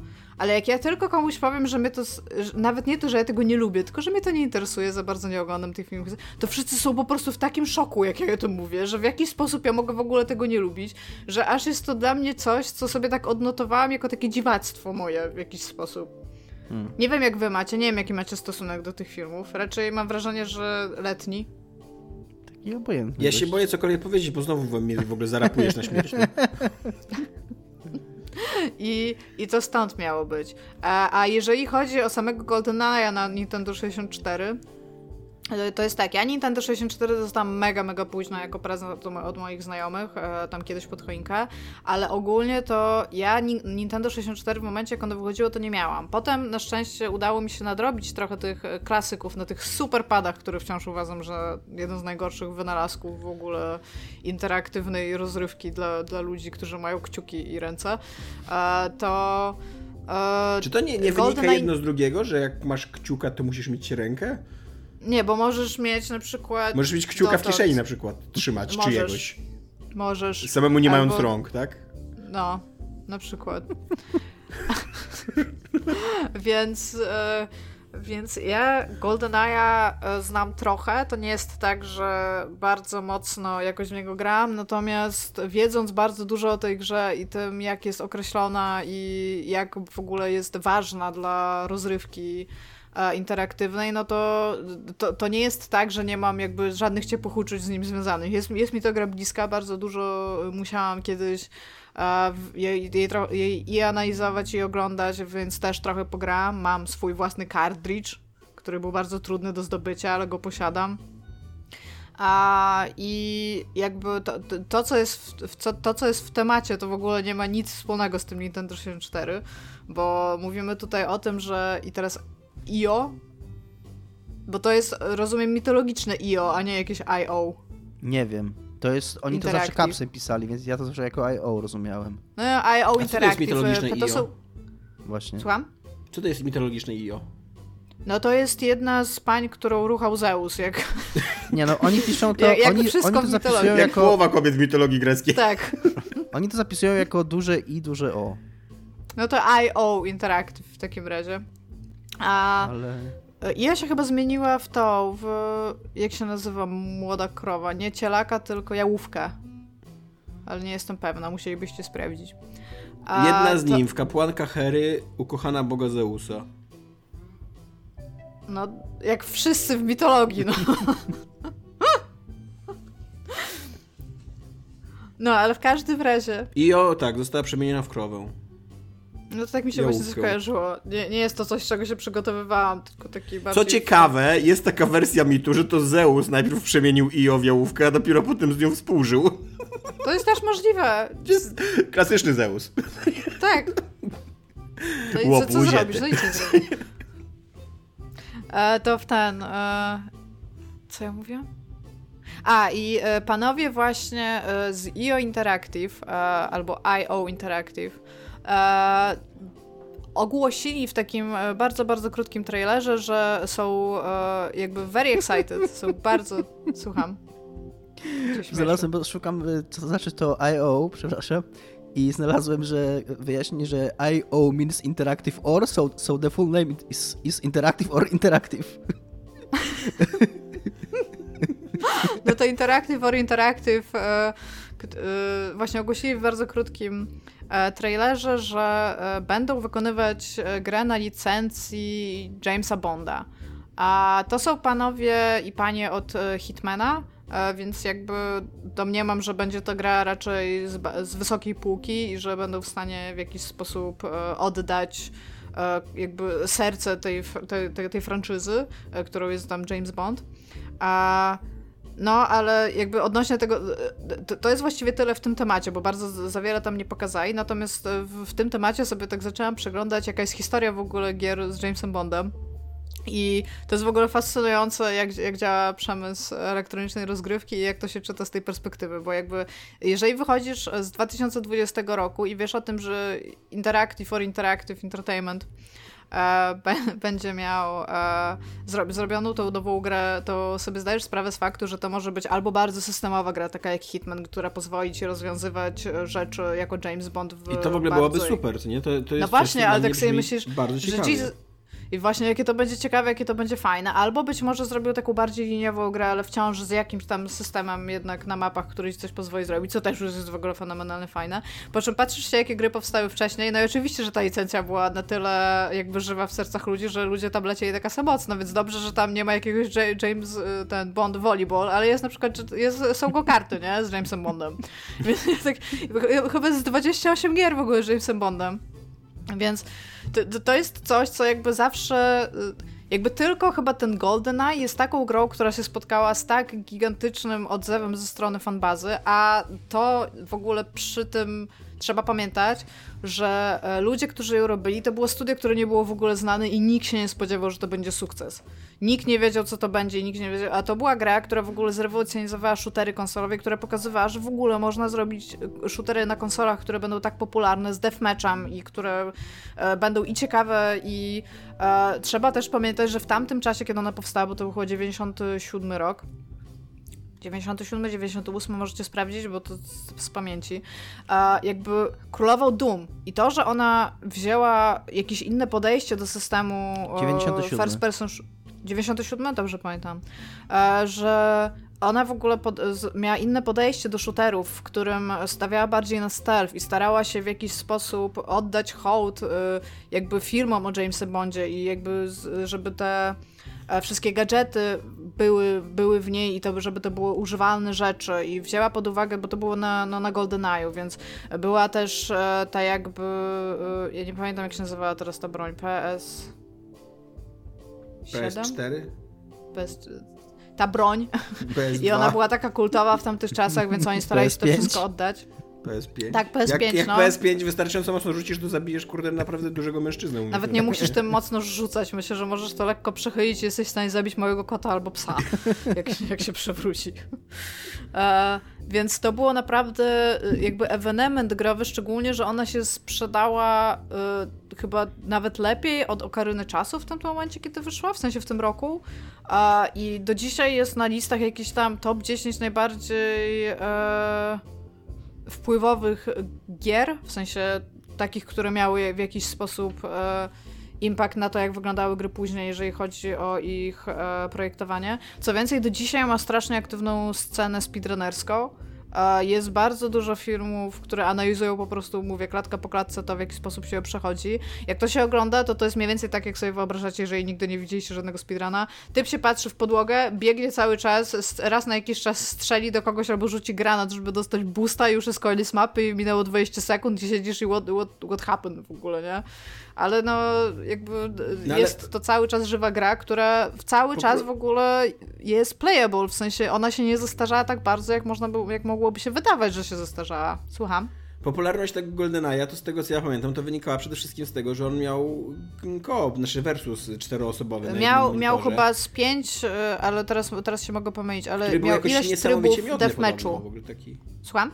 Który był jakoś niesamowicie miodny ten versus. y, Tak, w ogóle co, co więcej w recenzjach tam pamiętam e, takie, takie wycinki, że padało, że jeżeli kupisz sobie tego GoldenEye'a, to tak naprawdę masz e, tam multiplayera do końca roku, że to, że to, jest, że to jest tak fajna, to jest, że to jest tak fajna zabawa w ogóle, żeby sobie grać, a to było do czterech osób, więc w ogóle tam super. No i e, oni zarobili na tym krocie, e, ja nie pamiętam teraz 250 milionów dolarów? Ja to, ja to, to jest takie w Iga, ogóle straight myślisz, że- from the top of my myślisz, że my dome. pamiętamy, ile twórcy GoldenEye 007 na Nintendo Nie 64... wiem, no ale to są, to są takie historie, które musiałam na tyle często cytować w jakichś artykułach albo coś takiego, że mi to tak trochę zostało, ale mogę, mogę, mogę, mogę to mylić z jakąś inną giereczką, więc e, weźcie tutaj proszę e, jakby poprawkę na fakt, że mówię to z pamięci, możecie to zawsze sprawdzić sobie na Wikipedii, e, aczkolwiek jest to gra bardzo ważna i czy teraz E, IO chciałem, Interactive jest w powiedzieć, stanie... chciałem powiedzieć, że tą grę zrobiła firma Rare, która nie jest Tak, taką Rare. nieznaną nikomu. Ale Wtedy wtedy była, byli nikt nie wierzył w fakt, że ci ludzie, którzy robili tą grę, zrobią coś, coś wielkiego. Rozumiem. Szczególnie, że to jest gra na licencji filmowej, a jak wiemy, gry na licencji filmowej wychodzą zwykle tak sobie. I teraz, czy, EO Inter, czy Interactive or Interactive będzie w stanie e, zrobić, e, jakby powtórzyć ten sukces, no nie, be, nie, nie, są w zupełnie innym kontekście rynkowym, są w zupełnie w innym kontekście kulturowym. Myślę, Y- że zrobią bardzo, bardzo dobrą grę. W... Słucham. Rare było dosyć znaną firmą długo Ci ludzie, wcześniej. którzy robili tą grę, ta ekipa, nie byli y, ludźmi, Rare zrobiło którzy... wcześniej e, Donkey, Kong, Donkey Kong Land, Battletoads. Ale, Dominik, ale ci konkretni ludzie, którzy pracowali w tym zespole, których Iga nawet dzisiaj nie pamięta, wtedy też ich nikt nie pamiętał. Okej. To o nich chodziło. Nie wróżyli w ogóle. Ja pamiętam, że oczekiwania były takie, że nikt nie wróżył, że ta gra będzie w ogóle czymkolwiek dobrym, a nagle Mhm. w ogóle dostaje jakieś tam 9 na 10, 9, 6 na 10, 10 na 10. Nawet chyba ci, jak się nazywa ten taki ładny Verge napisał, nie daj 9 na 10, ale ostatnio w jakimś tam takim retrospektywnym e, artykule napisali, że myśląc o tym teraz powinni jej dać całą stawkę po prostu. E, Iga, a całą resztę oprócz, tej, oprócz tego... Edge. Oprócz tej No. informacji o, o tym, że to była nieznana firma, która nie jest prawdziwa, to cała reszta jest prawdą. To znaczy, tak, jest to gra, która sprzedała więcej niż Ocarina of Time, to było 2,1 miliona egzemplarzy i zarobiła 250 milionów dolarów. Tak się, to są Game Facts with Iga, które z jakiegoś powodu, nie, nie pamiętam już jak się robi pochodne, ale totalnie pamiętam to, więc tam priorities są zachowane. Więc e, no jakby czy czekam na, na grę od Hitmana Jamesa Bonda? Nie, nie specjalnie. Na przykład ba bardzo lubię Hitmana, wolę oglądać jak ktoś w to gra niż, niż w to grać, tak stricte. Może z wami, jakbyśmy we trójkę usiedli, to byłby fan, to byłby mega fan, to bym sobie pograła. Ale także teraz sobie usiądę, mam w ogóle ściągnięte te Hitmany e, na PlayStation i, i mogę sobie w każdym momencie pograć. Pograłam trzy razy i mi się odechciało. Więc myślę, że jeżeli to będzie podobna gra, to jakby ona może być bardzo ciekawa i uważam, że to będzie najprawdopodobniej bardzo dobrze zrobiona gra, która nie będzie dla mnie. Czy sama franczyzna mnie jara? Zupełnie nie, więc jakby dlatego do niej nie usiądę. Natomiast to by mógł być sukces, którym na przykład nie mogą pochwalić się twórcy nowych Avengersów, bo mo może IO Interactive zrobi po prostu dobrą grę, w której też będzie James Ale Bond. Swoją jest- drogą, ja pamiętam, że jak zapowiadano tą grę o Avengersach, no to było raczej takie oczekiwanie i takie przypuszczenie, że to będzie dobra gra, bo to robiło i robi Crystal Dynamics, czyli też, No tak, z- tak. też dobre studio, nie? więc kto wie jak będzie. Ale uważam, że y, jeżeli bym, jeżeli bym miała ten franchise Jamesa Bonda i bym miała stwierdzić, kto zrobi mi grę o tym Jamesie Bondzie, to może to nie byłby mój pierwszy strzał, że IO Interactive, ale jak oni to dostali i pokazali to, to byłam like, to jest zupełnie logiczne, że ludzie Tak, o to jest- robić Jamesa Bonda. To jest prawda. To jest zaskakująco mądra i jednocześnie odważna decyzja, jeżeli, jeżeli to będzie gra podobna do Hitmana. No. E, Bo, bo wydaje się, że EO Interactive odkryło coś teraz ostatnio z tymi nowymi swoimi hitmanami, jakby jakiś i, i autentycznie reakcje są bardzo entuzjastyczne na te gry, one są super zabawne i, i, i mnóstwo rzeczy tam można robić i żeby zrobić taką grę teraz o Jamesie Bondzie, to ja, ja jestem trochę, nie, nie, nie powiem, że zajarany, bo Hitmana nie, nie, niestety nie grałem, jest mi cały czas przykro, że nie grałem w tą grę, bardzo bym chciał w nią zagrać, ale jakoś nie potrafię się zmusić do tego. A z Jamesem Bondem mam tak jak ty, że tam no średnio mnie obchodzi w ogóle James Bond. Tak, ale tak też w kontekście jakby gry widzę fakt, że jeżeli e, IO by zrobiło dosłownie taką systemową grę jak Hitman, ale dałoby ci te wszystkie gadżety, które ma Bond, albo czasami by ci dawało jakieś na misję, a czasami go zabierało, to ja to totalnie kupuję. To, to ma totalnie sens i to jest organicznie, fajnie w ogóle wrzucone w ten system i chcę to zobaczyć. Więc e, nie, nie określili kiedy to będzie, ni- nic nie wiadomo. E, Powiedzieli, że będzie na najnowsze generacje, czyli no ewidentnie będzie i na PC, i na PlayStation 5, i na Xboxa tam Series SX, Sex, cycki. Ja bym się spodziewał, no pewnie Raczej nie spodziewajmy się ich. będzie w przyszłym roku, nie? Słucham? Film będzie jakoś w przyszłym roku. Czy w ogóle jeszcze wrócimy do rzeczywistości, w której są filmy w kinach? No, Nie wiem. prawda. Może dadzą nam e, jakiś e, video on demand na zasadzie, że możesz sobie po prostu zapłacić za bilet do kina i obejrzeć ten film raz u siebie w domu. Mamy technologię, która mogłaby to... W, kwiet, w kwietniu jest y, y, premiera, 2 kwietnia jest planowana premiera nowego Znaczy, Bonda. Co ciekawe, Na, I to jest, już, to jest już przełożona premiera, co nie? Miała być w tym roku. I patrząc na to, co się dzieje, tak na dzisiaj, to totalnie nie wierzę, że w kwietniu ten film wyjdzie. Jeżeli, Nie, jeżeli to miała być tradycyjna premiera, nie? co ciekawe, wiecie jaki jest budżet tego filmu? 250 milionów. 250 milionów dolarów, czyli dokładnie To, tyle. są, to wzięli te pieniądze, co zarobili na tej grze. Czy to przypadek? Czy będziemy e, speedrunować ten film? Ja mogę, bo pewnie nawet go nie obejrzę. Nie, nie będziemy tego speedrunować. Dobrze. Tymczasem y, kolejne tematy nadchodzą. Y, The Game Award e, ogłosił nominacje. Jest tych nominacji bez kitu. Dominik miał rację. 386 milionów 928 323. Ja pisałem newsa na Poligami y, o tych nominacjach. Myślałem, że się pochlastam, bo tam y, nie dość, że one się nie pojawiły na stronie od razu, Tak. więc przepisywałem, je Twitterze, z, co nie?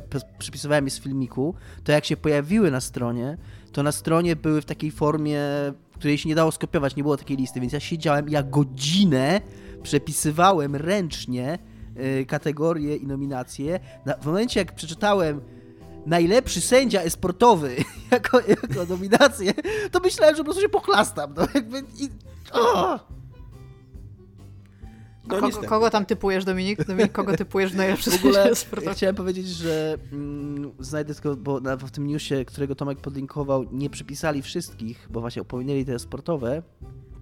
E, ja chciałem powiedzieć, że czasami zastanawiamy się, dlaczego e, e-sport, czy e-sport to jest sport, nie? E, I czy, i czy dlaczego nie jest traktowany. Ja się zastanawiam nad tym non-stop. Nie ma chwili, kiedy się nad tym nie zastanawiam. Czy, kurde, o mam. I czy, czy, czy, czy e-sport będzie na równi, powiedzmy, z jakimiś tam igrzyskami olimpijskimi, czy coś takiego, nie? Chciałem powiedzieć, że przeczytać wam nominację do kategorii najlepszy sportowiec w, mm, o, o prestiżową nagrodę najlepszego esportowca, tylko muszę doskrolować, kurde, yy, najlepszego esportowca według The Game Awards powalczą Crime Six, Showmaker, Canyon, Shotzi i Zaiwu. Yy, Big Tit 69. Więc ja chciałem powiedzieć, że esport na razie nie ma widoków na to, żeby yy, być traktowany równie poważnie jak sport, bo esport jest dla dzieci. Ja muszę jeszcze chciała powiedzieć, że e, Tomek dwa raz na jakiś czas, a propos tej tematyki czy, czytelnictwa wychodkowego, kupuje CD Action, które leży zwykle w odpowiednim miejscu na toalecie na półeczce. I dzisiaj było odwrócone do góry nogami i zauważyłam, że tam jest e, reklama zegarka e-sportowego i wiecie, jak zawsze pokazują, pokazują zegarek, to tam jest jakaś godzina i oni tam odkryli, że tam jakieś ustawienie tych zegarków pokazuje, że jest profesjonalny, inne pokazuje, że jest jakiś, to na tym esportowym jest 1, 3, 3, 7. Tak, tak. I tak usiadł mi, hell yes, jest esportowy, tak. 11.30, tak, też, też jakbym reklamował zegarek esportowy, to bym ustawił godzinę na 11.30. Tak, to, to ona powinna być na sztywno po prostu, to what time is it? Esports time.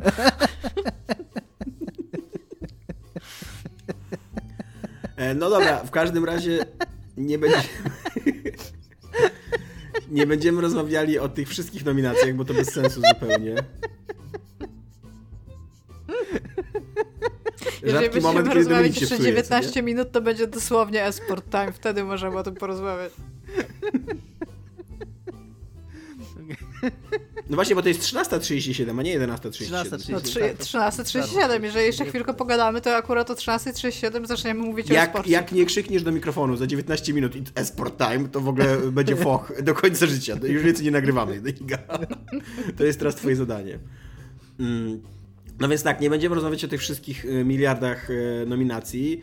E, The Last of Us dwójka prowadzi, jeżeli chodzi o y, ilość nominacji, ale bardzo dobre, bardzo dobrze też wypadają Ghost of Tsushima i Hades. Przede tak, wszystkim. Tak, Hades ma 9 nominacji, ma Last of Us 2, Hades ma 8, a Ghost of Tsushima i Final Fantasy VII Remake mm, jakby są dalej. Tak, i tylko, że chciałem, żebyśmy się zabawili w taką grę, która polega po pierwsze na tym, nawet mniej na tym, kto, komu my byśmy dali nagrodę, y, ale co nam się wydaje, że komu da ta y, taka brać recenzencka, która bierze udział w tym głosowaniu, bo to są moim zdaniem bardzo często bardzo takie mm, zachowawcze wybory. Jakby... Oczywiście, że tak. tak. To jest ciekawa, to jest, ta, gra jest ciekawa, podoba mi się. Więc, więc tak, więc jakby spróbujmy nie myśleć o tym, która gra rzeczywiście jest najlepsza, ale dlaczego The Last of Us Part 2 dostanie tę nagrodę za najlepszą grę roku? Tak. jakby, moim zdaniem absolutnie nie ma innego wyjścia. Po tym wszystkim, co się wydarzyło dookoła tej gry, to już nie jest... Ma. Nie ma. Natomiast y, uważam, że mm, Hades dostanie za Best Game Direction trochę mam tak? opory znaczy, przed, przed tłumaczeniem tego jako ja, reżyseria, ja mam takie ale, coś, ale tak chyba należało że Wydaje mi się, że The Last of Us 2 dostanie goty, ale mam też takie wrażenie, że być może w tym roku oni postanowią przerwać tą swoją zachowawczość w tym. Nie, ja, ja myślę, że, I że będzie... mam takie, mam 50 na 50 z Hadesem ogólnie. Ja myślę, że Hades dostanie właśnie Best Game Direction, że tak, tak pogodzą to, że Game of the Year to Game of the Year. Tam musi wygrać The Last of Us 2, tam nie ma, nie ma innej opcji. Ja się zgadzam ja z Ja obstawiam, że The Last of Us 2 wygra i Direction i Game of the Year. A, a, a Direction wezmą, dadzą Hadesowi właśnie, żeby zachować takie, że jesteśmy poważnymi nagrodami i tutaj doceniamy e, e, artystyczne, dobre gry. A Hades dostanie Best Indie, moim zdaniem. Tylko no, że, że Hades dostanie Best Indie, no to tam wiadomo. No. No i dostanie oczywiście e, Score and Music, bo to jest... e, Chociaż tutaj też akurat The Last of Us 2 ma bardzo dobry Score and Music, więc... e, Ale no, wydaje mi się, że tam Darren Korb, tak? Tak dobrze czytam jego nazwisko? Że on ma taki status w Giereczkowie, że da mu tą nagrodę tam bez, bez problemów. Ale, Ale, ja mam do, do was takie pytanie, bo w dziedzinie, znaczy w sensie ja się z wami zgadzam, bo z wami się trudno tutaj nie zgodzić, jeżeli chodzi o zachowawczość tego, co się może tam wydarzyć. Natomiast jest taka, taki Wild że, którego ja trochę nie rozumiem. Jest w Best Narrative, pojawia się nagle coś takiego, co się nazywa 13 Sentinels Aegis Rim. Tak, Tak. Co to jest? nie to mam jest pojęcia. super ciekawa gra, w którą, którą ja bym chciał zagrać. Ale chyba na razie jest tylko na PlayStation. E, To jest taka animkowa gierka rozgrywająca się pomiędzy latami 80. bodajże a współczesnością. E, O y, uczniach liceum, którzy prowadzą jakieś swoje własne dramy, a jednocześnie we współczesności, jakby na innej płaszczyźnie czasowej, są pilotami e, mechów walczącymi z obcymi, które atakują Tokio. E, I to jest jednocześnie visual Ja już, novel i to, ma mój, to ma mój głos na Best Narrative. I to jest jednocześnie visual novel z dosyć skonstruowaną narracją, z dosyć skomplikowanie skonstruowaną narracją podobnie, zwłaszcza chronologicznie, że, że, że tam z, różnych perspe- jakby z różnych momentów czasu, osi czasu poznajesz te wydarzenia jakby i, i bohaterów. E, I jednocześnie to jest strategia taka turowa, e, no, e, pokazująca walki tych e, potworów Kaji, tak? Te wielkie potwory z Godzilla Mhm. są Kaji, tak? No właśnie. Więc, e, więc tych potworów Kaji z, z mechami, których, które prowadzą ci uczniowie. To Więc brzmi bardzo jak gra, w którą ty powinieneś grać w ogóle. Bardzo bym chciał w nią zagrać, bo ona zbiera mega dobre recenzje. E, I, I wszyscy mówią, że, że nawet ta warstwa taka właśnie visual novelowa, taka mm, narracyjna, że ona jest super wciągająca. I że to jest dosyć skomplikowane, taka trochę zagadka narracyjna, o co w niej chodzi, co nie? Jakby, żeby rozwikłać, o jak, jak ta fabuła się układa z e, poszczególnych elementów w całość. Tylko, że ona jest tylko na PS4 na razie. Więc ja czekam albo aż się w końcu przekonam i kupię PS5, a na razie się nie zapowiada do tego, e, albo aż, aż wyjdzie na PC, albo nie wiem, albo Switcha. Ale wątpię, żeby wyszło na Switcha. Pewnie nie, prędzej na PC. Ale w takim razie, jeżeli masz to. Bo, bo co mnie zainteresowało, to jest fakt, że to jest jedyna kategoria, w której pojawia się ta gra. Co jakby trochę mówi o tym, że mogłaby dostać tą nagrodę, ale wciąż wydaje ci się, że bez narrative dostanie The Last of Us? Tak. Bo Totalnie. jakby nie widzę, jakby to się inaczej mogło potoczyć i uważam, że to jest bardzo, że to jest jakby naj... Pomimo tego, że to się jeszcze nie stało, to jest najbardziej niesprawiedliwa nagroda. Ja właśnie, się zgadzam, ja bym się się akurat zgadzam, nie zgodził w tym czasie, bo uważam, że na pewno The Last of Us 2 nie powinno dostać nagrody za najlepszą grę roku i za tą, też. ten, tą reżyserię e, też nie powinno dostać, ale akurat jeżeli chodzi o warstwę narracyjną, e, to jak na grę AAA, to jest The Last of Us 2 dosyć odważne, dosyć nowatorskie. Jakby cały ten, cały pomysł, żeby pokazać wydarzenia później totalnie z, punk- z, z drugiego punktu widzenia, e, no jest dosyć taki, nie wiem, no ciekawy. No. Nie znaczy wiem, czy... niby tak, ale to już było robione, może nie w grach AAA na takiej skali i z takimi pieniędzmi, ale to już było, a na przykład y, w Best Narrative jest wciąż Hades. Ja, ja, nie jestem, ja nie jestem wyznawcą Hadesu jako gry narracyjnej. Ja się Uważam, zgadzam że z tą. Ja się zgadzam z tą. Ja w ogóle uważam, że. Mm, no. Że jest wręcz trochę, moim zdaniem, trochę przereklamowana ta gra pod tym względem. Tak. Bo ja jak czytałem o tym, że jaka to jest super połączenie narracji z roguelite'em, to się spodziewałem tam czegoś naprawdę takiego Tak. rewolucyjnego, a to jest takie, no co, no chodzisz i tam masz kwestie, po prostu ludziki mówią teksty do ciebie różne. Tak. No, to się nic Ja słyszałem, że tam. Ja, Tak, słyszałem z ale to mi chodzi też o to, recenzji- ile tam tej narracji jest w samym No, ale to Ale nie jest nie nagradza się za narracji. samą ilość czegoś. Jest. No. Jest, to jest napisane the most best narrative. Ja, ja czytałem w jednej recenzji, że to jest połączenie tego Dating Sima z y, roguelite'em i też sobie pomyślałem, kurde, super, super ciekawe, tylko jakby cały, cały pomysł na narrację tutaj jest y, zdobywasz klejnoty, kup za te klejnoty prezenty albo zdobądź te prezenty ten i daj, Daj, prezent daj, i daj przeczytaj tekst.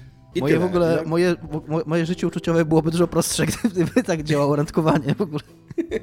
No dobrze, w takim razie do, Dominik, e, Final Fantasy VII Remake. Nie. Nie, No to jest właśnie, Ja w właśnie... ogóle trochę nie wiem po co Ja- tutaj to- jest to- remake. To jest wręcz w ogóle, to jest wręcz, moim zdaniem, ta gra powinna dostać w ogóle antynagrodę za... Bo akurat ona, oprócz tego, co powtarza z siódemki, mm, co, za co trudno ją tam chwalić, to ten cały pomysł na siebie, który ma, który on jest w ogóle położony na mm, postawiony na, na, na, nogach w ogóle zupełnie. No w sensie, w sensie e, e, ona, ona wydaje się, że ma... Pod postawiony na nogach, no. się, wydaje, się wydaje, że ona ma jakiś pomysł na siebie, ale jak, jak jakby przychodzi co do czego i trzeba włożyć karty na stół, to tam nic nie ma. To ona jest w ogóle, ona jest fatalna pod tym względem. Ja że mówiłem już o tym, jak, jak, jak mówię, jak skończyłem tę grę, że ona jest tak rozczarowująca pod względem narracyjnym, gdzie na koniec po prostu walczy ze spersonifikowanym przeznaczeniem yy, i, i które jest po prostu bossem, bossem przeznaczenie i pokonujesz jej w ten sposób udowadniasz, że los można zmienić. I masz takie, what the fuck? To, ale jest to bardzo metaforycznie ładnie, no. Mi się wydaje... No dobra, nie, tutaj, tutaj będzie The Last of Us Part 2, będzie no nie mogło nic innemu dać narratywności. No. Mi się wydaje, bym jeszcze chciał wrócić do tego Direction, że, że to, to być może Half-Life Alyx może wygrać. Może. E, bo to jest taka kategoria, która Half-Life Alyx na pewno zdobędzie Best VR. No tak. Bo jest coś takiego, więc na pewno w którejś, e, w którejś kategorii musi dostać Ghost of Tsushima, bo to musi dostać jakąś ja nagrodę, to tak, nie ma tak... Ja, ja, ja, tak, tak, za chwilkę jeszcze wrócimy do Ghost of Tsushima, tylko ja chciałem cię powiedzieć, absolutnie zgadzam z Tomkiem, że Best Game Direction to będzie jedna z tych dwóch, albo Hades, albo Half-Life Alyx, bo mi się wydaje, że ta kategoria jest taka że tam musi być coś Ja, ja nie inne... mówię, że Hades będzie w Direction. A, okej. Okay. Ja Teraz to was dwa. To ja, to ja mówię, że, że Hades, a Tomek, że Half-Life Alyx i Last of Us. Ja w ogóle, ja w ogóle dosyć się spodziewam po tych nagrodach, że one już tak idą w kierunku Oscarów, że to będzie takie ogólne mainstreamowe rozczarowanie dla wszystkich, że tam The Last of Us 2 zgarnie tam jak Titanic, nie? 13, 13 nagród i naraz, nie? E, Iga wszyscy... mówiła, się o, mówiła się o Ghost of Tsushima. No, że jest za często w kategoriach, żeby nie tak. dostać żadnej nagrody. Ono musi dostać jakąś nagrodę i teraz dostanie... w której kategorii... O, audio design dostanie. Znaczy, wiesz co, Iga, mi ja się nie wydaje, wiem, że... czy Art Direction by nie mogło dostać najlepszej, Może. Wydaje mi się, że taka logika... gra, więc... Wydaje mi się, że taka logika jest błędna przy tej nagrodzie, bo to tam głosuje pewne gremium, dosyć szerokie. Więc y, bardzo mało będzie takiego, mi się wydaje, strategicznego myślenia, że tutaj tą, tą grę nagrodziliśmy już, więc tej kategorii powinniśmy coś innego nagrodzić. Raczej będzie właśnie taki, taki głos tłumu, nie? Taki, takie uśrednienie idealne gustów. Dlatego uważam, że The Last of Us 2 będzie tutaj zwycięzcą całkowitym The Game Awards. To Bo to jak, jak, my sobie gadamy we trójkę, To jest smutne, nie? co mówisz. Słucham? Tak pewnie będzie, aczkolwiek to jest smutne, no po no. prostu. Ale wiesz co, no bo to, to, trochę ta formuła, którą oni przyjęli, to na to wpływa. Bo jak my sobie gadamy we trójkę, to możemy sobie tak pogadać w naszym gronie, co, gdzie, jak i tak dalej. I jeszcze do tego przyznajmy po kolei te nagrody. A z tego co rozumiem, to The Game Awards są przyznawane jakby każdy głosuje po prostu na jakimś tam formularzu naraz na wszystkie. Więc to nie jest tak, że wiem, o już wiem, że The Game, że grę roku dostanie to, więc w tej kategorii zagłosuję na coś innego, co nie? Więc wszyscy tru, po prostu będą zaznaczać The Last of Us The Jest mi po prostu bardzo smutno. Jest mi bardzo, bardzo smutno. Albo dostaną, e, no i... albo dostaną Czy myślicie, formularz? że w tym roku będzie już się e, całował z otwartymi ustami z Kojimą z jakiegoś powodu gdzieś tam w tle? Z otwartymi ustami nie może, bo pandemia. Rzeczywiście. Będzie, przyjdzie taki ten formularz, będzie się zaczynał od tego, że przyjdzie taki mail i tam będzie tylko The Last of Us 2, znak zapytania, yes, no. A jak zaznaczysz no, to się tak, to tak, tak na moment będzie to no i zaraz się je zaznaczy. Taki błąd jakby.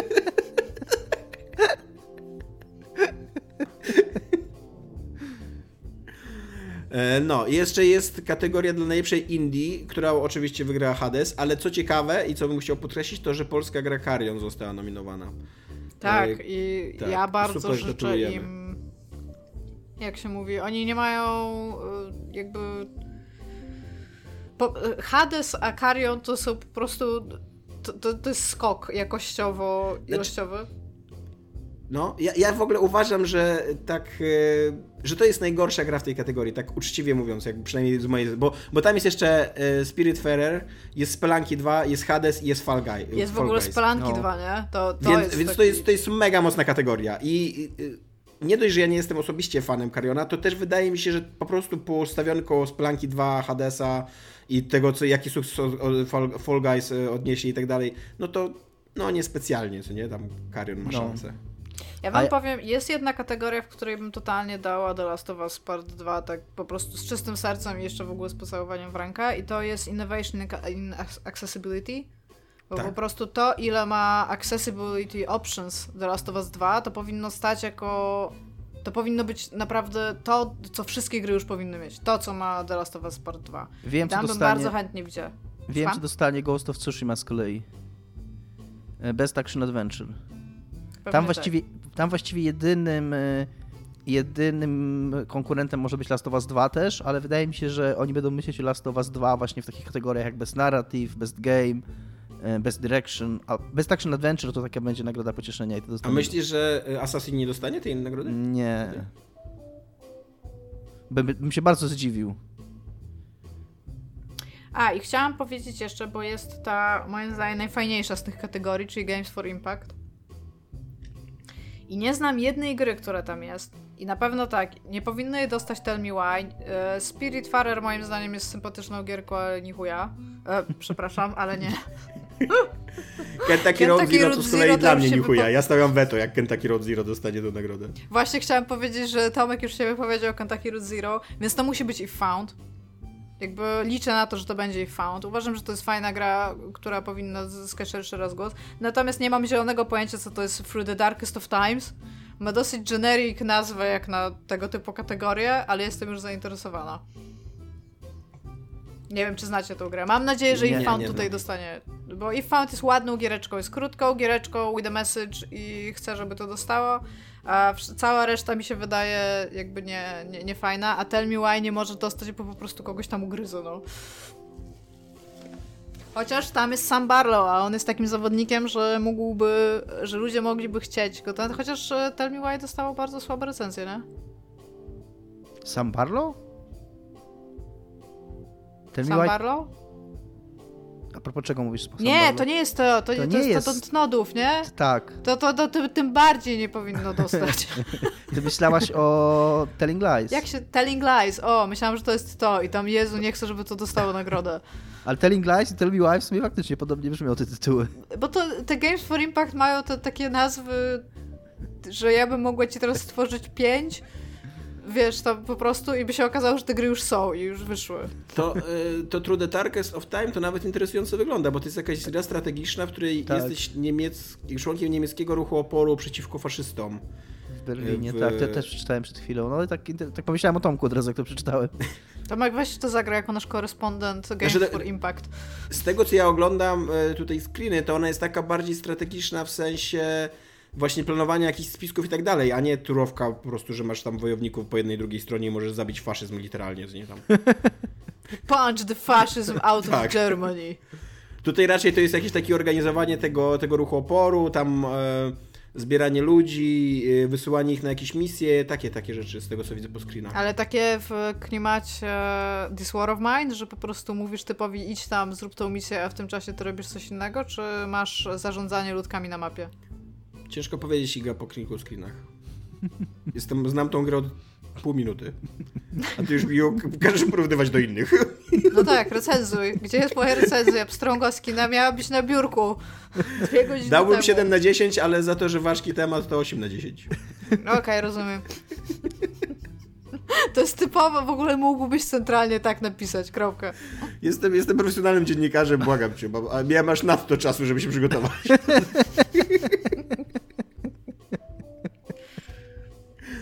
Mówicie, że Ghost of Tsushima y, to jest action adventure. Ja się w sumie trochę zgadzam, bo to jest, to jest bardzo, bardzo fajna gra, właśnie action adventure, jakby nic więcej, nic mniej i jakby super by było, jakby dostała. Patrzę się przez te kategorie jeszcze. W ogóle nie wiem, co nam robi Persona 5 w Best Role Playing Game, która, pomijając, że Persona 5 to jest gra, która nas przed chyba 5 lat. Yy, Ale to jest ta pełna, nie to demo, co ty przyszedłeś. No właśnie. Royal to jest. Ale Royal też Powinna ci wyszła się spodobać ta pełna wersja, skoro tak się w tym wkręciłeś. 4 lata Persona 5, a Persona 5 Royal wyszła yy, w zeszłym roku, pod koniec, pod koniec wprawdzie, no ale nie tak, że tam w grudniu, tylko w październiku. W październiku No no 2019. to być może już jest ten okres, bo przecież to nie jest tak, Może że tam tak, od 1 może stycznia do tak. 31 grudnia. A co, Dominik, nie dałbyś? Best Mm. RPG? Yy, nie wiem. Na pewno nie dostanie Yakuza Like a Dragon, bo ta, ta gra dosyć jest tak e, chłodno przyjęta. E, W ogóle dziwię się, że ona jest na tej liście. E, Na pewno nie dostanie też. Może dostanie Genshin Impact, bo to jest gra, która jest głośna bardzo. Ja bym e, pomiędzy Genshin Impact a Personą, no niestety, no bo jest na 3 też jest taką raczej e, no tak dobrze przyjętą grą, ale też nie widzę jej jako best RPG. Kto wie, może będzie ta Persona. No a Wasteland 3, Tomek, halo, halo? Nie wiem, nie wiem, czy Wasteland 3 to jest gra, która w ogóle zasługuje na jakieś wyróżnienia, no. Tak poza tym, że jest grą, która wyszła i działa i, i to na naszym rynku jakby growym to to już daje, wiecie, że tam 6 na 30 10. nagród, nie? Na wejściu. E, jakby, no Wasteland 3 to jest gra, tak okej. Powiedzcie mi, jest, jest data w ogóle tych awards już określona? Nie wiem. Tak, 10 grudnia. To jest y, premiera Cyberpunka, nikt tego nie będzie oglądał. Okej. It's esports time! No Dominik, czytaj kategorię najlepszego sędziego. Musimy się E. zastanowić, komu byśmy dali. Dobra, chwilę, bo już, już to zgubiłem. Najlep- yy, najlepszy sędzia esportowy, uwaga, walczą w tej kategorii walczą ze sobą Zefa, Zonik, Krusty, Rambo i Grabs. Ja myślę, że ja myślę, że Krusty. Krusty to Ja bym jest... dał Rambo. Ja też bym dał Rambo, no kurde. Ja uważam, że jeżeli, że jeżeli Rambo występuje w kategorii, to powinien dostać w ogóle. Obojętne w jakiej kategorii występuje. Yy, swoją drogą tutaj jest kolejna nominacja dla Polaków, bo w kategorii najlepsze wydarzenie sportowe nominowane jest IM, IEM Katowice 2020. Powalczy w tej kategorii z Blast Premier Spring 2020 European Finals, Call of Duty League Championship, League of Legends World Championship i Overwatch League Grand, Grand Finals. To jest żarta walka będzie się odbywała. Tak, i, i Karion może dostać jeszcze nagrodę za najlepszy debiut. Zapomniałem wspomnieć. tak, tak. A I co to jest akurat- jeszcze w kategorii Tutaj akurat uważam, że tam spoko. Jak- Jakby w tej kategorii są dosyć porównywalne jakościowo gry chyba, z- przynajmniej z tego, co tam się orientuję. A co tam jeszcze jest? A, czekaj, muszę tutaj s- scrollować na dół. E, Jest Karion, jest Mortal Shell, jest Raji, An Ancient Epic, jest Rocky i Phasmophobia. Ta fazmofob... fantazmofobia. Fa fazmofobia. Fazmofobia? Mi to bardzo polecają i bardzo chciałam w to zagrać. Więc może pogram. Dobra, rozciągnął nam się strasznie odcinek, a mamy jeszcze komentarz, więc Dominik, twój yy, temat przyłożymy, co na za tydzień? Spoko. To, to, tam nie ma dużo do powiedzenia ma- w tym temacie. No Cieszysz właśnie. się czy nie? Słucham? Cieszysz się czy nie? Z czego? Z tego tematu. Yy, Jest mi obojętny, tak, tak jak tobie James Bond. Nieźle. Dobra, sekcja komentarzy. e, nasz e, kolega z WP zadał takie, takie pytanko, Michał Federowicz.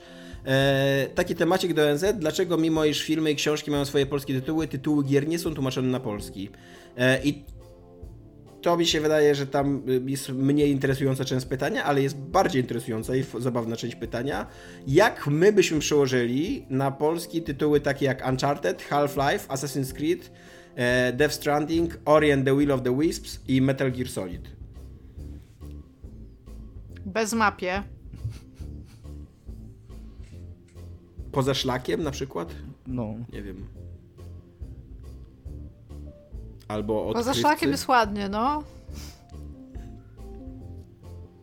Albo tak po prostu już polecieć w takie tłumaczenia, jak często mamy, które nie mają nic po prostu wspólnego z tym. Wielka przygoda, to by się wtedy nazywało.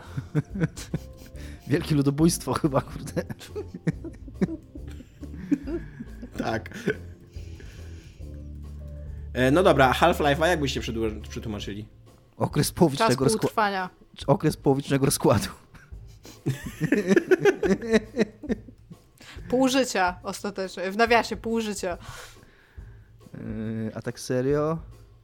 A to jest Half-Life jest od okresu połowicznego rozkładu? Tak, Tak. tak, tak. No nawet ta lambda jest jako symbol. ta lambda to jest właśnie sym... No to by się nadawało, to dobry tytuł. Ale może po prostu połowiczny rozkład? Albo czas pół życia. Ale to się, to się A za- nie nazywa półżycie. Ale, Ale to no się tak, nazywa czas rozkład, pół, pół, pół życia albo lub pół trwania, z tego co wiem. Okej. Sprawdzam. E, Assassin's Creed? To akurat łatwe, to byłby kodeks, kodeks zabójców i tyle. No, coś takiego. Co tam dalej Nie, nie ma czegoś takiego. To ja bym stworzyła czas pół życia i bym tak to określiła. E, o czym mówiliście? Jeszcze raz? Assassin's Creed. Albo kodeks zabójcy. Tajne ludobójstwo. Nie, Tomek dużo. Nie, Albo nie nawet wiem. credo, no Kodeks można zabójcy brzmi słowa, co nie? dobrze. Klan skrytobójców, ja bym to nazwała. Ja bym to wszystko nazywała jak e, telenowela ogólnie. E, Death Stranding. To jest wyzwanie. Tak. To jest, ale to jest, to jest wyzwanie nawet, żeby zrozumieć po angielsku ten tytuł. Tak, to prawda. Połączeni w śmierci. Albo śmierć odrzucona. Nie, nie wiem, jaki to ma sens, szczerze mówiąc, jak, jaką to ma relację z angielskim tytułem, ale co tam. E, Ori and the Will of the Wisps. Ori i e, chęć. Jak się nazywa Will of the Wisps? Jak to jest po polsku? To nie jest chęć, to Y- jest, to jest takie... Nie... Zamiar? Nie. wi- wi- to, To jest to, jak ktoś ci każe coś zrobić. My will is... Nie, to jest Will Ale of to the też może być Wisps. testament. Will of, A the, ja tutaj... Will of the Należy- Wisps to nie jest... y, Will of To the są Wisps błędne to jest... ogniki. To jest y, polski, o. Błędne, Błędny ogniki, ognik. o, błędny ognik, Tak. tak. dokładnie. Will of the Wisps. I to o to chodzi. I to, jak się gra w grę, to też jakby tam są te ogniki, więc to Ale ja bym to nazwała jako testament... Co to są wisps? Will of the Wisps to są ogniki i to jest całość. Dobra, nie obchodzi mnie co to jest. Daj mi być kreatywnym raz w życiu. Ori i błędne Ty, ogniki. To, ale co ty uważasz, że przetłumaczenie dosłowne to jest kreatywność, tak? Tak? Czego nie rozumiesz? ale swoją drogą Ori i błędne ogniki akurat brzmi ładniej. Chyba nawet najładniej Tak. z tych wszystkich tytułów, jakie wymyśliliśmy. Znaczy wymyśliliśmy, no. E, a Metal Gear Solid? O O kurde. Solidny metalowy gir. Nie no, me- Metal Zębatka Żołnierz, ja bym to tak przetłumaczył, bo to, to mniej więcej tak samo brzmi po angielsku w ogóle. Trzy, trzy randomowe słowa po prostu koło siebie. Metal zębatka żołnierz to jest najlepsza nazwa w ogóle ever.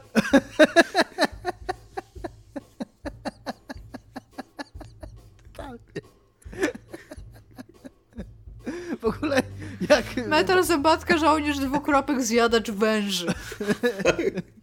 Pożeracz węży. Ale czemu, czemu, żołnierz, węży. czemu żołnierz właściwie? Czemu nie?